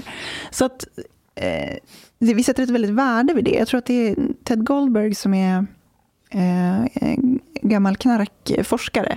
Han är sociolog, tror jag. Ehm, och har skrivit väldigt mycket om, om, eh, om just knark. Och han pratar om att så här, vi har en väldigt stark ansvarskultur i Sverige. Och att det är det som gör att vi är så oförtjusta i knark. Därför att vi, vi lägger ett väldigt tungt ansvar på oss själva hela tiden. Och vi kan bara komma ifrån det, typ när vi åker på charter, chartersemester eller när vi Och då super på helgen. totalfulla och knullar på grannfrun. Och, eller som firmafesten eller midsommar. Det är Ja. då det är tillåtet. Men jag kan rekommendera att läsa lite av honom. Han, är, han har en väldigt intressant take på det där, att det, liksom, att det är kopplat till vår kultur. Den här drogmoralismen är kopplad till ansvarskulturen. Och, att, eh, och det tänker jag är lite samma, att man ska göra rätt för sig och man ska vara tyst och nöjd. Och, jag tror att feminismen påverkas av det. Och jag tror att det fanns en, det fanns en ganska stark motsättning under eh, man brukar kalla det för porn wars. Eh, under så 80 och 90-talet så bråkade man väldigt mycket om de här frågorna. Och I Sverige så tog vi sexköpslagsriktningen och i Tyskland så hade man en mer sexpositiv feminism som trodde mer på legalisering. Ehm, och min bild av tyskar som har sex är djupt förstörd av de här 80-tals porrrullarna. ja, But, but uh, actually, Hur var, again, hur, var, vad är- vad är det för, hur var de? Alltså det, det finns inget mer... av- porrtyskar. Har du Porrtyp. Det aldrig... finns inget mer avtändande än att se en smal, skranglig tysk fruntimme med fyrkantiga glasögon låtsas vara någon jävla sekreterare som blir påspänd bakifrån av någon jävla brunstig tysk. Och du hör dem prata på tyska. Det är liksom, det är något så... Det, det, det, det, måste upplevas, det går inte att beskriva. we, we definitely watch different kind of porn. But, uh, but um, again, I, I feel that there are, when, when it comes to this sexual puritanism, I can feel there are parallels between Sweden and, ironically, Egypt. Uh, because again, this, like in Islam, for example, it's it's haram to to uh, to look sexually at a woman that that you're not married to or who, who's not your sex slave, for example. Uh, Sex, sex slave? yes, sex sex slaves are allowed in Islam. I Egypten är det sanktionerat? Islam, Islam. Uh, uh, nej. Du, du, ändrar en bokstav i haram och så blir det tillåtet. Istället för haram så säger du harem. Aha, okej, But, nu uh. But um, so, so, so, for example, like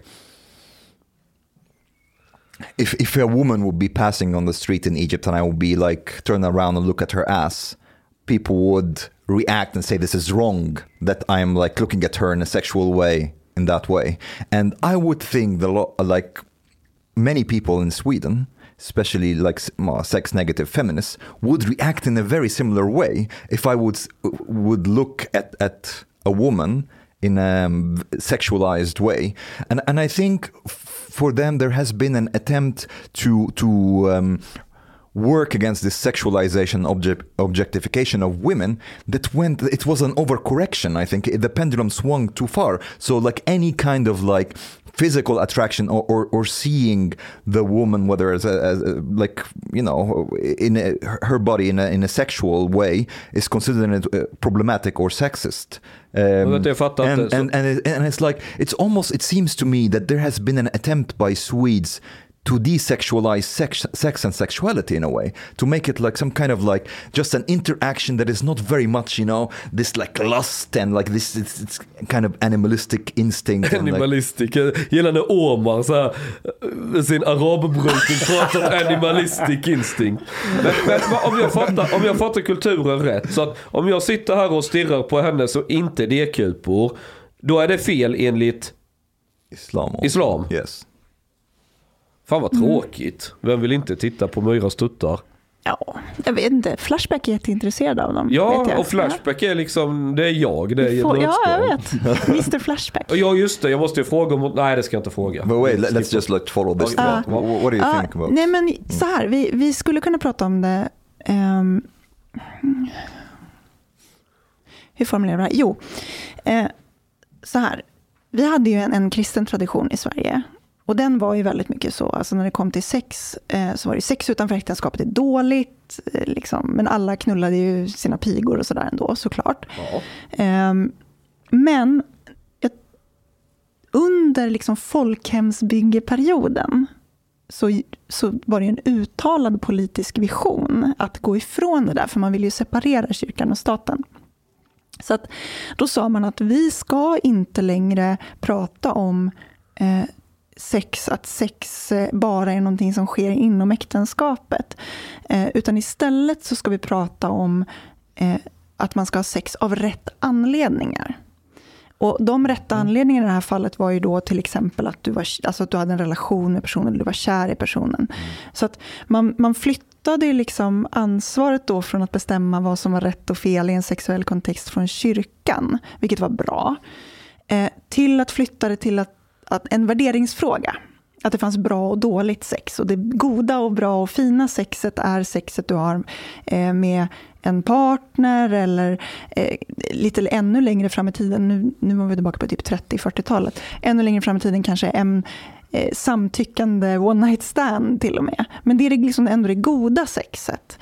Ehm, sen har du Vad alltid... var dåligt? Ja, men det dåliga sexet kanske är så här, du är någon som har sex, du är otrogen eller du ehm, har sex med någon som är, fan vet jag, One night stand skulle möjligen kunna vara där under också. Eller du har sex med en person som inte eh, som bara är intresserad av dina tuttar. Eller vad det nu kan vara. Alltså det, det är en moralisk definition vilket gör att den är mycket svårare att på något sätt sätta i konkreta termer. Och det är det jag känner ofta liksom med när politisk diskurs ska avhandla porr i Sverige så blir det precis samma sak. Att man, man gör liksom en värdering att porrsex är alltid dåligt. Det är moraliskt dåligt. Men så här, fast varför? Eh, och där har ju vi problemet i Sverige att vi har förbjudit sexköp, men vi har inte förbjudit porrinspelning, vilket ju är sexköp, eh, bara med lite annan inramning. Så vi kan inte säga att det är olagligt, men det är uppenbart omoraliskt, därför att man har det inte av anledningar att man verkligen vill ha sex specifikt med den här personen, specifikt just då för att man tänder på dem, eller för att det är någon man älskar. Så att det är vi fortfarande kvar i, på But, något vis. but doesn't like this sex negativism also have a kind of um, a negative attitude towards heterosexual uh, sexual relationships in, in general? Like uh, to me, it seems that many of them see sex between man and a woman as something a man does to a woman rather than something a man and a woman do together and it's like something that is like being uh, the, the man is like you know how to say mm, in some way pushing himself on the, on the woman uh, and taking advantage of her. Uh, and, and this kind of skepticism also, I- I guess, contributes to the skepticism towards porn because they can't imagine that this woman is, is doing that like because she wants to. It has to be like the men who are forcing her to do that because, yeah. Um, Eller för den delen att mannen i porrfilmen kanske inte heller vill. Han kanske måste göra det för att betala för hyran eller någonting. I, I didn't hear many feminists here in Sweden talking about men in porn being Nej, de forced. tenderar inte att göra det. Och det är det jag menar, att det finns en eh, ironi. Ironiskt nog så skulle jag säga att just den där synen på sex, att i en heterorelation så är det liksom mannen som tar och kvinnan som ger. Det är ett superbra exempel på det som transaktionskultur tidigare. Det är ju ett jättetydligt exempel på hur man ser sex som en transaktion, där kvinnan ger någonting till mannen för någonting annat. Eh, Mannen historiskt- ger ju något tillbaka om man kommer i henne. Man får ju vara tacksam för det lilla, som man brukar säga. Ja, Nej, men- Har man blå bollar så är det ju inte så lite alltid. Okej, den var dum. Okej, fortsätt. Jag ska inte vara tyst. Ja, nej, men jag tänker traditionellt så har ju det varit eh, ekonomisk trygghet eller, eh, eller någonting annat, eh, mer, mer materiellt. Men i, i modern kontext kanske man skulle kunna prata om att det, det du får tillbaka av det är, eh, är att du känner att du har fått en bra känsla av att ge någonting till personen du älskar. Om vi nu förutsätter att det är en, den typ av relation som det känns som att många av de här människorna ser som målet, där som du säger, man gör det inte för att man själv vill ha sex, utan man mer står ut, står ut med det i en relation. Det är ju en, för mig supertydlig transaktion. Så här, det här är min hyra för den här relationen, typ. Eh, hemfrid sex, eller vad du vill kalla det. Så att... Nej, jag, jag, jag håller med om att det finns jättemycket vi saknar när det kommer till att prata om vi pratar väldigt ofta om så här, kvinnor ska lära sig säga nej och män ska lära sig att, att inte ta initiativ och så. När vi kanske också borde lära ut, vilket jag tycker är mer positivt, så här, hur kan kvinnor bli bättre på att säga ja när de vill? exactly. Eller hur kan kvinnor bli bättre på att bejaka sin sexualitet? Därför att jag tror att det är två sidor av samma mynt. För ska vi säga åt alla män i samhället att ni får inte ta initiativ, ni får inte eh, vara för pushiga, eh, vilket jag generellt tycker är här, ofta bra budskap. Var inte för pushig. Men då måste vi också lära kvinnor att ta initiativ. För att annars kommer vi inte mötas överhuvudtaget. Om alla kvinnor sitter som vi väldigt mycket gör idag och förväntar oss att bli tjatade på. Eh, och det är vår roll. Vi ska bara sitta som panelhönor och vänta på att någon plockar upp oss.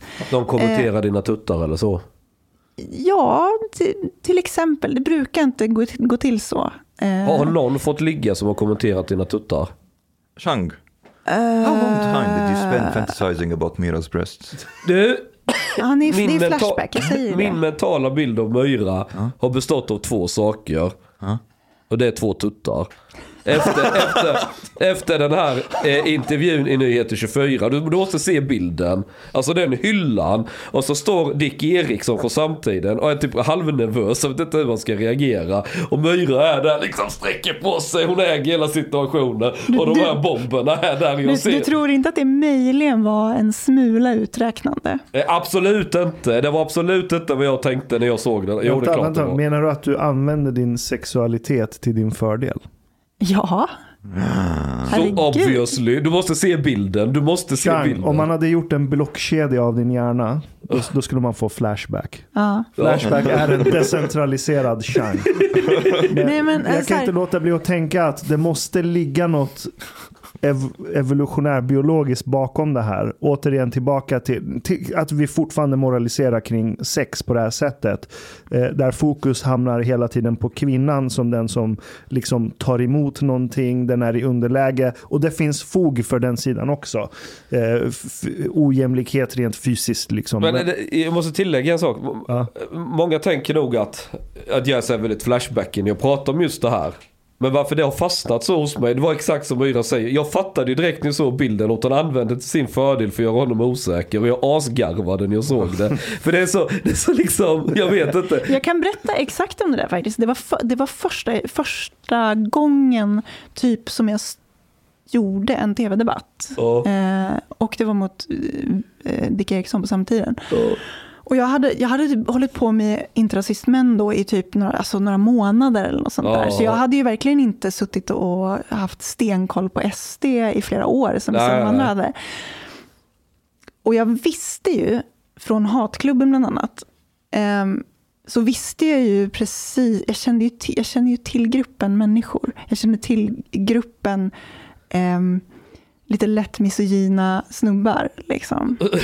Och framförallt så lärde jag mig väldigt snabbt att känna igen alltså rassar och nassar så här generellt. Ja. Och det absolut roligaste du kan göra med sådana människor, därför att de kommer alltid att förvänta sig att en eh, vänsterfeministkvinna kommer att vara blåhårig. eh, Rakskuren lugg och näsring. Och, Ja, precis. Och så här, orakad under armarna, Precis. gärna liksom generellt okvinnlig så, och Ja. arg. Rätt oskön. Ja. Ja, så att ett jättebra sätt att, eh, att, Att att, skaka till dem Ja, lite ja, grann visst. är ju att försöka vara så jävla kvinnlig som möjligt. Därför att det kommer att göra att de blir lite förvirrade. ja, ja, du lyckades ju rätt bra ju.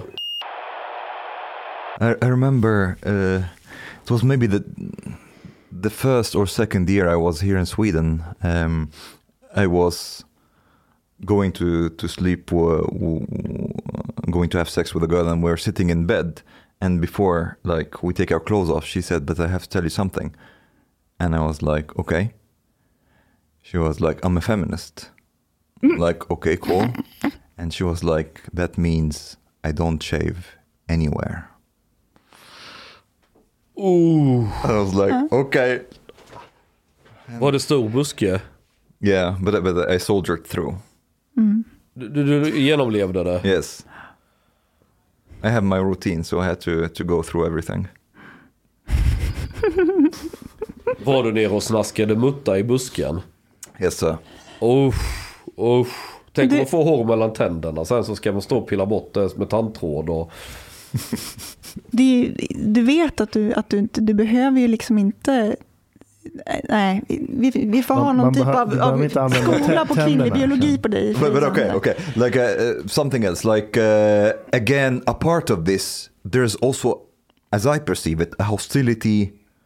Just because of that, that that sex is perceived something that the man does to a woman. There is a hostility towards men using sexually explicit um, language, for example, or describing like. Um, again, like uh, a lot of people ha- have, ha- not a lot, some people have told me that it was kvinnoförnedrande that that I talked about mm, me losing a virginity to a to a girl that put the condom with uh, on my dick with her mouth, for example.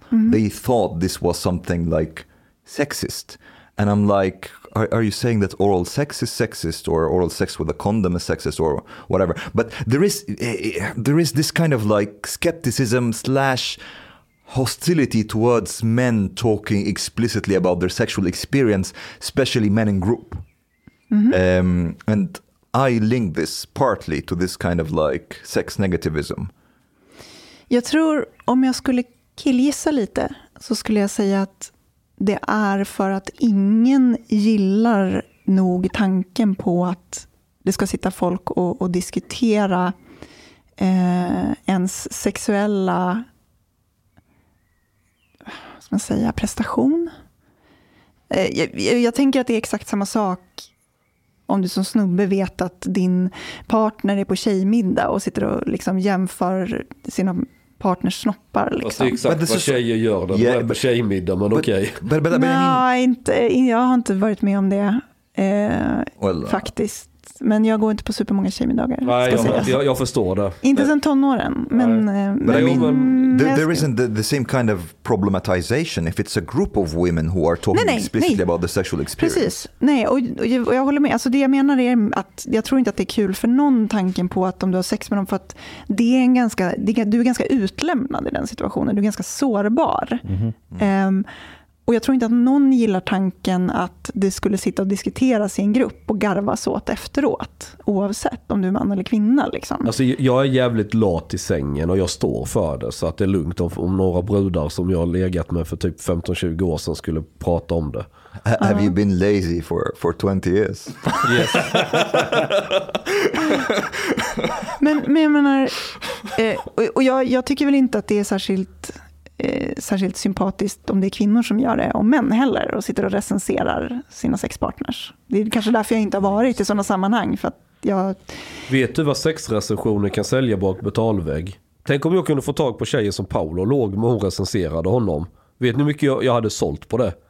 Men alltså jag, jag hade någon idé om så att du borde ha som ett Tinder fast alla så här, när du har liksom träffat folk via den här och legat med dem så får de fylla i en utvärderingsskala och sen så kan du ranka folk baserat Det är ju på... skitbra. Hey. Det är That's a jävla good Ashkan, idea. kom igen, det är skitkul ju. Du behöver ju inte bara hur ha många med sex. stjärnor har du på Trustpilot? Men vi får döpa det till Ja, något men exakt, exakt. Jag hade någon, så här, jag hade något, någon idé på ett namn som hade kopplat till hjälp tror jag. Men, ja, Fuck Pilot. Fuck pilot. ja, eh, Ja, jag, jag kan inte låta bli att tänka att det, det är ett evolutionärt spöke som ligger bakom den här sexmoralismen. För så här, återigen, kvinnan är sexual selector.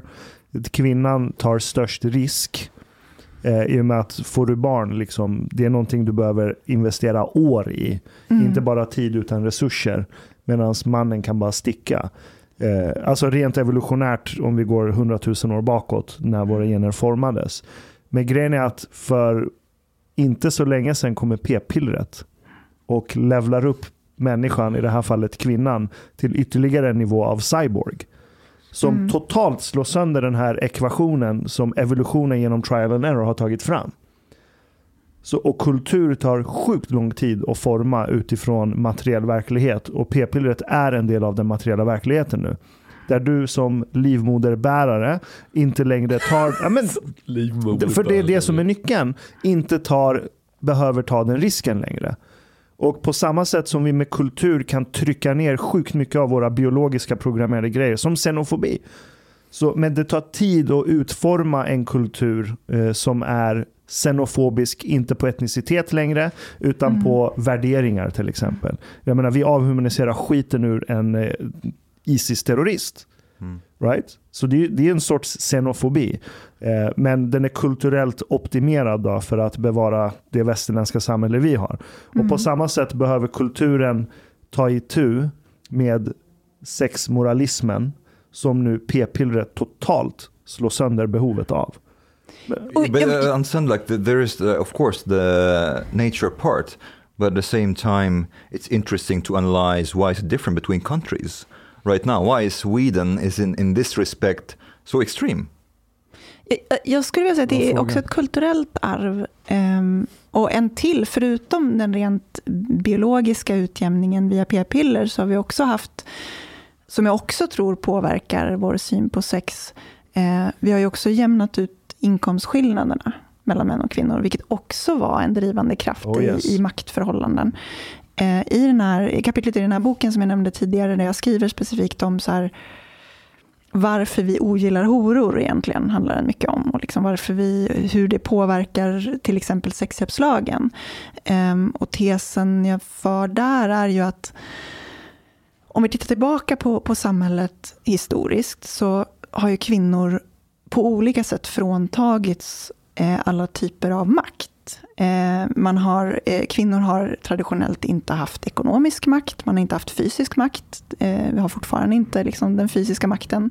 Ehm, social makt har varit speciellt, jag tänker på i, i vissa kulturer där liksom det är mannen i huset som har alla typer av, av kontakter med omvärlden och liksom talar för familjen, så att säga. Familjens överhuvud. Ja, precis. Och det är en typ av social makt, tänker jag. Och, och liksom också såklart, genom att du hade bara män som jobbade, så var det ju män som lärde känna andra män som hade framgång och sådär. Så att ja, de hänger ihop. Men i allt det här så har ju kvinnor då fråntagits eller inte av fysiska skäl inte haft olika typer av makt. Men eh, för att kompensera för det då istället så får man den sexuella makten. Eh, och då pratar jag inte Eller om att behåller den sexuella ja, makten. behåller egentligen. den sexuella makten. Alltså, vi, och då, då är det klart, du kan bli våldtagen och sådär, men, men liksom i det sexuella spelet, i det sociala sexuella spelet, så har man makten, kvinnan makten. Och det är, Och det är också den enda makt kvinnor har. Men också den ultimata makten ju, på ett men, visst plan. Ja, men det är ju för att det är, den har ju blivit, tror jag, den ultimata makten för att kvinnor fråntogs alla andra sorters makt. Så att om vi tänker, jag vet inte, någon sorts kulturevolution, så är det såklart så att om du, eh, om, om du föds med, med, med bara ett, en sorts maktmedel så kommer ju liksom människor gradvis att bli bättre och bättre på att använda den styrka de har. Det är som att en blind person får bättre hörsel eller någonting. Mm. Och jag ser det lite så.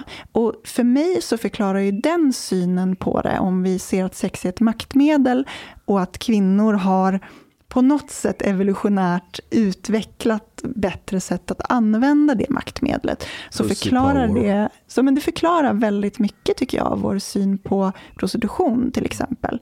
Eh, det förklarar väldigt mycket av eh, hur kvinnor tenderar att vara de som är absolut hårdast mot andra kvinnor som är lösaktiga. Eh, right. Det vrider ju maktmedlet ur händerna. Well, I, det hotar deras, deras maktposition. Exakt det Alexander Bard var inne på. But, but yeah. I, think, I think in a part, in, in part also, me and, me and Mustafa talked a little bit about that, that this kind of like disgusting reflex that I get towards men who buy sex is partly that, that I feel that they are cheating. Jag that, tänker så här att wait, Wait, wait, wait, wait. Oh. That I feel basically, at least to me, that, you know, a lot of us guys are trying to get their shit together, are trying to be, you know, to be men, to be attractive to other women and so on. And then comes a guy and cuts into like cuts into the line, pays a bit of money, he doesn't have to work on himself or whatever. Nej, den ekvationen En arab gnäller på folk här, som går före i kön. Mest, Vad fan är det som händer? ja, alltså det, här, det här är nog den mest vad ska man säga? Eh, jag ska inte säga sexistiska, men manscentrerade take på, på sexköp jag har hört hela mitt liv, måste jag säga. Thank you very much. Nej, men alltså det, det, är så tydligt, alltså just att se det. För att man brukar ju prata om att, att problemet med, med sexköp till exempel är ju att män eh, ser kvinnors kroppar som en, en valuta som går att köpa och sälja. Liksom. Och det är typ exempel på det. Det är som att någon, det är som att någon eh, skattefuskar eller någonting. Så, vad fan, alla andra måste ju, så varför ska... Och det, jo, det, det, det, det, är extremt ja, sexistiskt. Det, det, är okej okay, okay att han ser det så, men han är arab. Har du någonsin sett araber köa och hålla sin köplats? Har du någonsin sett dem inte skattefuska eller försöka hitta genvägar? Han, han har blivit sosse. Omar har blivit en jävla ja. sosse. Ja.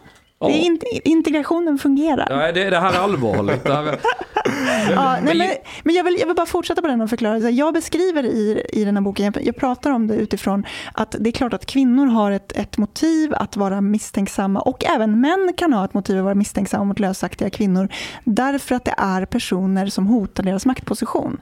Så att om jag vet att mitt enda sätt att få makt och, då, och trygghet då eh, med makt, så att mitt enda sätt att få eh, ekonomisk trygghet och stabilitet och ett hem och sådär, är att jag använder mitt maktmedel, vilket är sexualitet, för att snärja en man som kan ge mig de andra grejerna.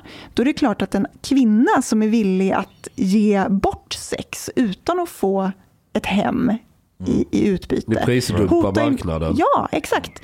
Jag beskriver dem som att de är strejkbrytare. Oh, oh. Mm. Jag ser det som en jämlikhetsgrej att köpa sex eftersom killar tjänar mer pengar än tjejer. Så då får du en ekonomisk transferering där killarna har mindre pengar och tjejen har mer pengar efteråt. Vilket gör att det jämnar ut det mer Det är en jämlikhetsgrej. And, and, I like in this view that I'm more sexist than Chang. nej, jag köper alltså... inte din analys för att, eller vänta, ett, det lät som att du är mer avundsjuk eller disgusted av männen som cut in line. En, ja, precis. Right? Men grejen är att men först säger du att ja, men titta, vi män vi, vi ska ju kämpa och så här, bli duktiga och bra människor för att attrahera en kvinna. Men alltså, det du får som belöning av att bli den bästa man du kan bli, det är ju bekräftelsen på det. Det får du inte av att köpa sex. Du, du får inte den bekräftelsen där. Så jag ser, jag, alltså det är två helt olika saker du beskriver för mig. Well, not exactly. I mean like, if you Okay, here's the thing. Du får inte bekräftelse på vilken bra människa du är av att it's not, it's Not, it's not about uh, be like getting confirmation. It's more about, at least to me, I'm not saying that this is like something that I'm totally convinced of. I'm thinking out loud here. Uh, that, for example, if you are a guy who is for for that you, because of you not having your shit together, not able to get laid, and you getting your shit together or like getting laid is a motivation for you to get your shit together, Yeah. Uh, I- see this as as how to say. Men det är inte bara get laid som är motivationen. Well, Det är en no, del not only av det. not det är only, relationen. But, but I think När du är 14 kanske, men inte när du är 30. när du har well. färdig frontallob. But well, uh, in that sense, you, you could ask why are are men buying sex? If if like it's um, they don't get the the confirmation and so on, and they don't get what they are seeking. Um, Ja, for jag- for jag this är men, they get what they are seeking. Jag är inte så säker på det nu. Fan, jag hatar mig själv för att jag måste säga det här nu. Ja. Men jag, jag försökte kolla på data på vilka som säljer sex. Och det är väldigt svårt att mäta. Eh, Men jag hittade en rapport från Länsstyrelsen i Stockholm som citerar åtta empiriska studier. Som är, förlåt mig, enkätundersökningar. Ja, just det. Där. Men det, det är det enda vi har att gå Okej, på just ja, nu. Okej, det är det som triggar Ashkan. Då var, då, då var män slightly överrepresenterade på frågan har du tagit emot pengar i utbyte mot sex? Så var det slight överrepresentation. There was Lund University as well. They did this. Ja, men det där var ett examensarbete så den dumpade jag. Den Okej. litade inte Så är jag på. till och med horeri en mansdominerad marknad. Fast man måste ta hänsyn till att det är bara svenska medborgare som svarade på den här, på de här åtta undersökningarna. Så du får inte med de som har åkt hit för att sälja sex. Plus att det kan finnas en tabufaktor här. Att det kanske är lättare för en man att erkänna att den har sålt sex. And it's probably det- it's also men. med. It's also probably men who's buying sex from men. Ja, Säkert. Ja. Myra, har du sålt sex någon gång? nej. Aldrig. Okej, Myra. Now Om du hade gjort det, hade du tagit upp det i din deklaration? Ja, Det hade du? ja. Ja, hon är rätt sossig. Okej, ja. Nej, alltså jag, jag, jag vet inte. Jag, jag, tycker bara att, jag tycker bara att det är bra att betala skatt. Åh, herrejävlar. now that you've broken the hearts of the our five female listeners, uh, I'm sure to, to to prevent a flood of of men sliding in your DMs after that, you have to. I'm sure like a lot of guys are listening to this and wondering, is she single? Ja, men kan vi inte göra en uppföljning nu? Efter vi släppt denna podden så tar vi in dig efter en månad igen. Och så får Fråga hur vi... mycket dickpics jag har fått. Ja, dickpics, vilka DM, vilka förslag, vad de är beredda det, att det betala. är ingen som, alltså det, är- jag, jag har typ inga som slidar i mina DM. Har du inte det? Nej. after this episode, Okej, shoutout till alla näthatare där ute. In i Myras DM, skicka era kukbilder, kom med skamliga Nej, men det är förslag. faktiskt ganska erbjud- roligt. Jag får, alltså, jag får väldigt lite sånt. Till och med när jag, när jag höll på att experimentera, när jag flyttade till Stockholm, så var jag så jag måste installera Tinder. Ja. Jag har aldrig använt Tinder, liksom. jag Ja. är alltid i relationer typ. Eh, men eh, Fick du men- några ragg? Eh, nej, alltså jag, jag, var, jag träffade några snubbar, men jag var inte där för att hitta ragg heller. Vad jag var, var, tydlig med det. Men jag fick inte ens skamliga förslag då. Liksom. Kände du inte osynliggjord eller var det inte lite besviken? Blev du, du blev lite besviken för du skulle vilja ha lite skamliga förslag. Nej, alltså nej. this, Inte? the Nej, nej, men alltså, nej, men jag, fick ju, jag fick ju folk som kontaktade mig såklart. Men det var ju mer så här, de kommenterade ju mer liksom, ja men fan vad rolig profiltext du har. Eller, ja, det var någon som sa, det var någon som sa ehm, någonting om, om mina tuttar faktiskt. Okej, yes. Men det var ju bara för att jag la upp dem på Twitter eh, Ja. under en vecka för att trolla Fabian Fjelling. Men du, du tycker det är rätt roligt när de tittar på dina tuttbilder? Jag tyckte, att det var roligt, jag tyckte att det var roligt att trolla Fabian Fjelling med dem. Jaha, det har jag nog missat. Men, Mm. ja. but the suspense of the male listeners still is still ongoing. Jaha, nej, jag, jag, har en, jag har en pojkvän eh, som Är i Okay? Ashkan, we have to put this part in the Okej, end so, okej, that they, so that they continue listening until the end of the episode. Det här hjälper inte mitt trauma A som jag lot of them will drop off after this. Nu kommer, nu kommer Myra få massa nya kompisar som ska, som ska, som ska hjälpa dig om du blir singel. Det är bara att ställa sig på väntelistan. Nej, men, ehm, eh, men han, han är skåning och ordningsvakt och, Skåning Eh, eh, låter bra. ja, och eh, nio år yngre än mig. Nio år yngre. Oha, Mm. du gillar lammkött? Ja, jag vet inte. Jag tror det, det, det, är du som är, det är du som knullar honom och inte tvärtom. Man, alltså, man ska inte dra så mycket slutsatser om sånt där. Är det någonting jag har lärt mig, speciellt av att, att fördjupa mig i, i såna konstiga kinks och sånt, Ja. eh, så kan jag säga att det Konstiga är ofta kinks? precis tvärtom. Okay, we want to hear more about these Ja, nu vill vi veta. Berätta Nej, men alla, så så mycket här. detaljerat som möjligt. Ja, nej, men jag, jag, så här, jag, jag, fan, jag brukar säga det också, göra folk oerhört besvikna, att jag är typ, jag har, jag har fan inte tid, tid av sex man kan läsa studier om det. Liksom. Det är mycket du, du, du är lite som Ashkan alltså. Ja, men jag har bara jag har inte tid. Jag har inte tid att knulla. Jag har så mycket annat för mig i livet. Eh, men, Okay, th- this too will be at the end of the episode. men däremot, så- alltså jag tycker att det är djupt fascinerande med sexuella subkulturer. Eh, Det är ju en grej som, alltså subkulturer generellt, men det var ju det som gjorde att jag drogs in i den här jävla debatten om porr egentligen. Därför att jag har, eh, tycker att det är superfascinerande med porr som kulturellt fenomen. Jag tycker att det är jättefascinerande att se ehm, så här, vad, vi, vad vi tittar på, vad vi tänder på, varför vi gör det, varför det förändras med tiden, vad som påverkar det, vad det säger om människor, vilken typ av saker de tänder på och sådär. Alltså det är något rent både psykologiskt och kanske sociologiskt perspektiv. Eh, Jag blev överlycklig när den här jävla sossepolitiken i Uppsala råkade, råkade streama sin, sin mangaporr. På. Eh, Så jag skrev en lång text om det och sa så här, fan vad jag skulle vilja ha statistik på vilken porr alla politiker tittar på. Fan, alltså, vad man skulle kunna dra så mycket intressanta Oh, slutsatser eh, om vad de är för människor och vad det finns för mönster i det där. Sånt kan jag fördjupa mig i hur mycket som helst. Statistik över vilka genrer av porr folk tittar på, eh, hur det, hur det är skillnad i olika regioner, olika länder. Jag älskar sånt där. Då är, då är du som mig och längtar varje år till Pornhubs Ja. stora release av global data på intressant. porrsurfning. Ja. Det är sjukt intressant. But did, did you did you read about this? Uh, the the um, in Denmark, like uh, there was this journalist who was covering who was covering like a Swingers. swingers club, and and she went in and she left the mic on and she decided to have sex there, and like there was like the, uh, the sound of people having sex and she having sex and bam bam bam and like moaning and everything, and it's th- this also like why there is a big cultural difference still even though we're so close Och de And the bestämde end- sig för att... Yes, like she, she Det was like, what, what's the big deal? I, I had like I had Ja. gone in and thinking like if I felt like having sex, I will have sex. And the, Och and the- redaktionen bara, men det här är bra content, Yeah, exactly. släpper det. Yeah, and, Jag and- hade släppt and I, det. Såklart. and they, they have like, oh, what's the problem? Like it's it's interesting. People like we want to challenge people and so on, and they released everything.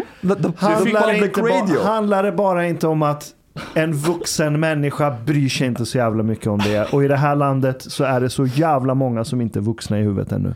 Kan det vara så enkelt? Myra, kan vi inte testa en grej? Du No. kan göra ett jag gig gå på för nyheter. Jag har en idé om ett gig för nyheter idag du kan göra. Jag du kan tänker en, inte gå på jag swingerklubb. kan skicka med dig en mikrofon där. Och så.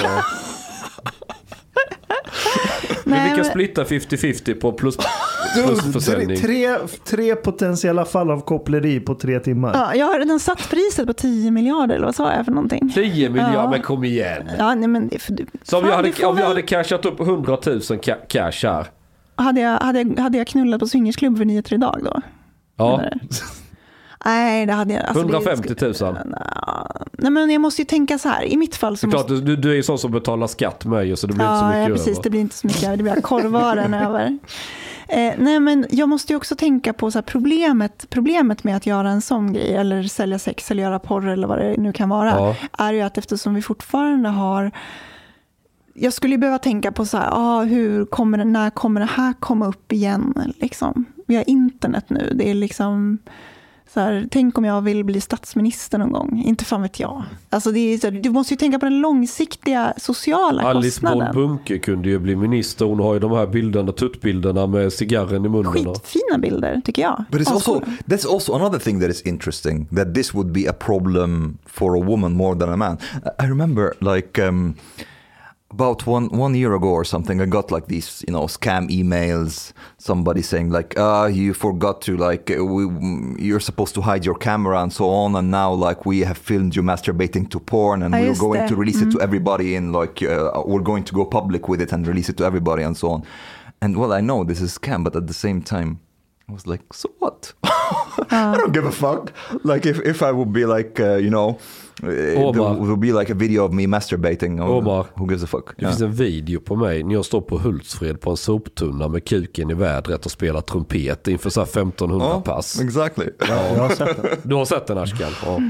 Men det här var ju också en del, en del av anledningen till att jag, att jag la ut tuttbilder på Twitter. Dels var det ju för att trolla eh, Fabian Fjelling, så, som var, eh, för er som inte var ju, körde ju Granskning Sverige. ja, de här... Ja, eh, och han, om näsan och ställer konspiratoriska frågor till folk på myndigheterna. Ja, men typ ringde och trakasserade journalister och myndigheter och, och ställde frågor.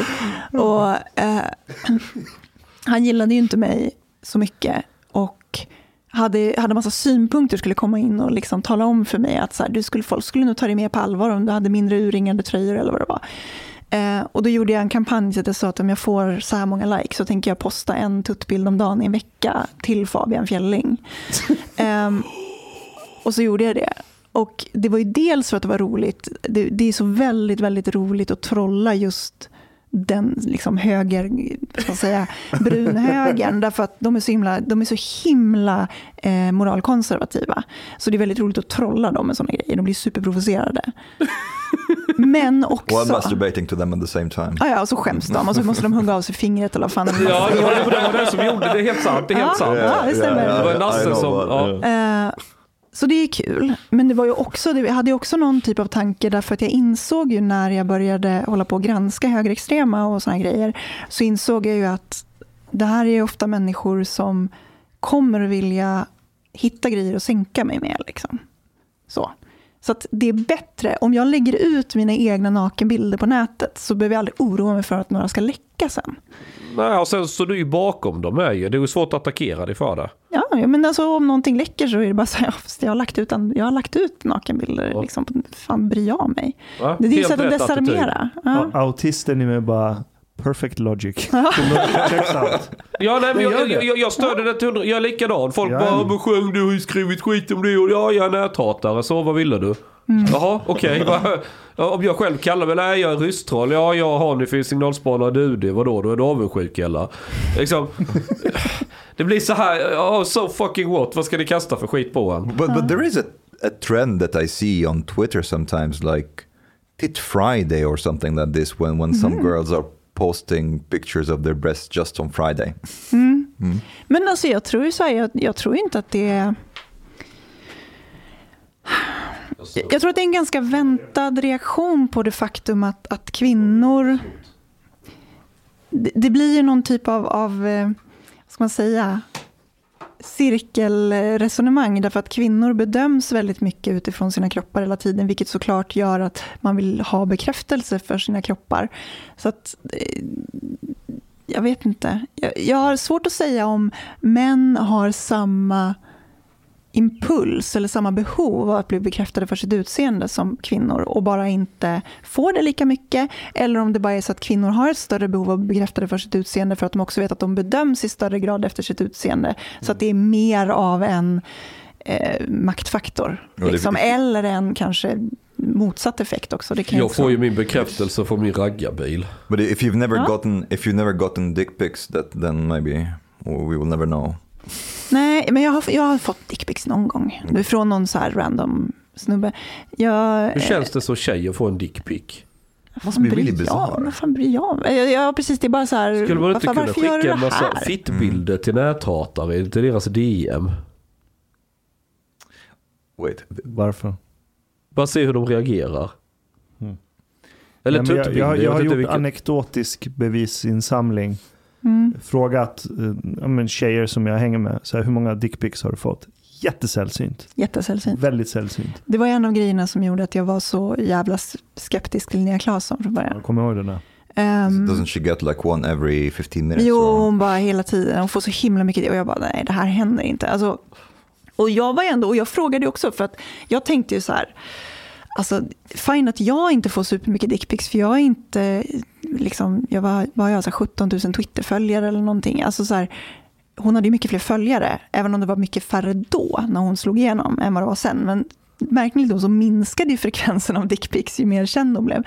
Men jag frågade ju andra liksom, stora liksom, kvinnliga ledarskribenter och liksom andra så här. De sa ju samma sak allihopa. Men nej, det händer inte. Det, händer. det är som med allt annat. Det är, liksom, det är en procent av befolkningen som står för typ 70 procent av allt våld. Det, det är samma med dickpics-skickare. Det är en pytteliten procent som står för typ 90 procent Ja, av dickpics. De, de kommer aldrig ha tid att skicka till alla liksom, Nej. kvinnliga eh, sociala mediekonton som har fler än 200 följare. Ekvationen går inte ihop. Men det är ju ojämställt. Tänk om det är massa tjejer där som vill ha dickpics och så får de inte. Well, I don't know man. Jag har fått, jag har fått titpics.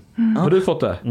But that, that's that's not exactly the equivalent of dick pic, but I'll do you one better. I got like almost the equivalent of a dick pic, like an ass pic uh, with a butt plug.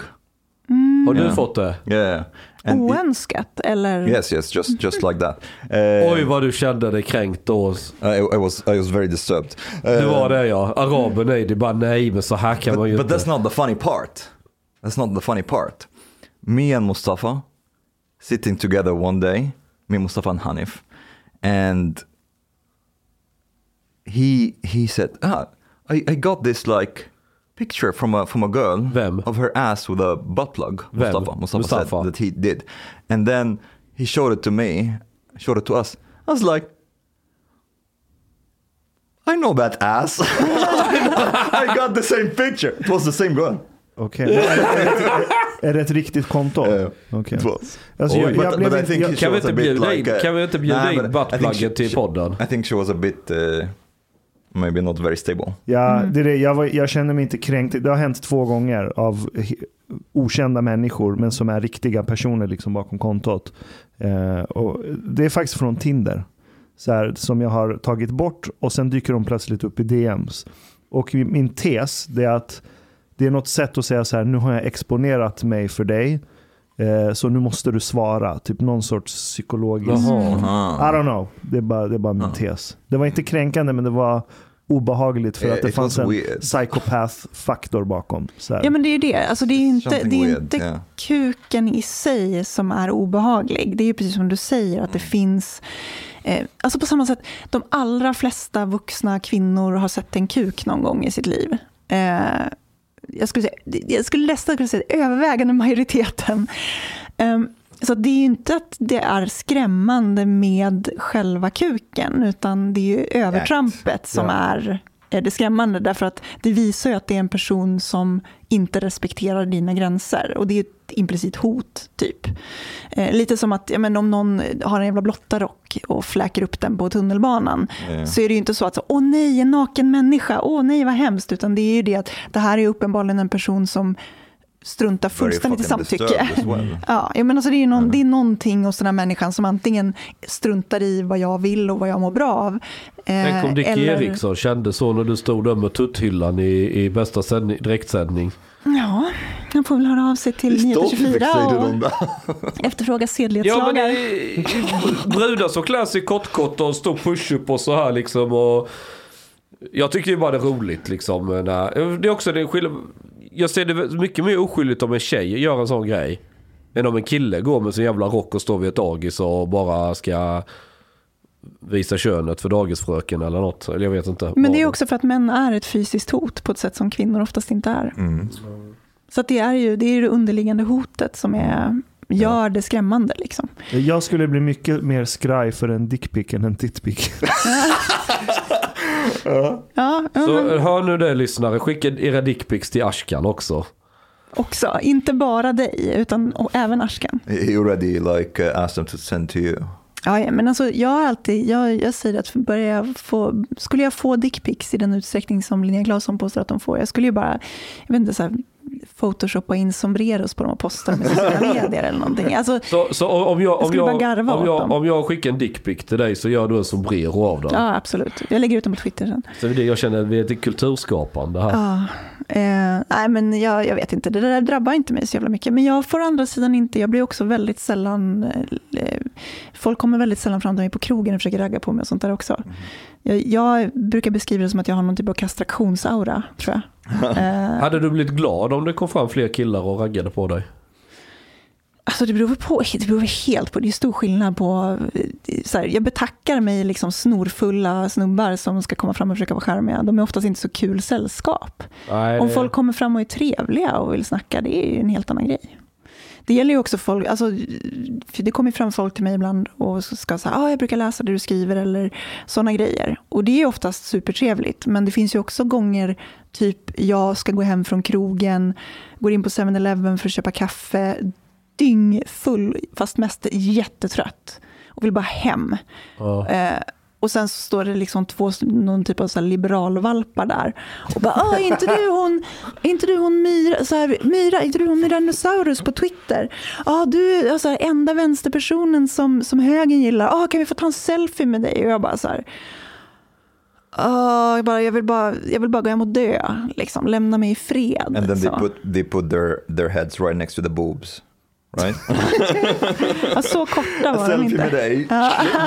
Liberalvalpar. Så det, det är nästan ett större övergrepp när en liberalvalp vill komma och ta selfie med dig än om Jean Frick, As Kalas, vill ta dig i Impalan och, och, och begå haram i baksätet. Alltså, det är ju inte riktigt jämförbara situationer, Nej, skulle jag säga. Så det är ju svår jämförelse för mig att göra. aha. I I wonder if, if uh, your sambo will listen to this conversation, Sean. Hon är så van vid mina dumheter. Hon vet också att jag är fruktansvärt lat av mig. Så det skulle aldrig hända om inte, om inte annat av den anledningen.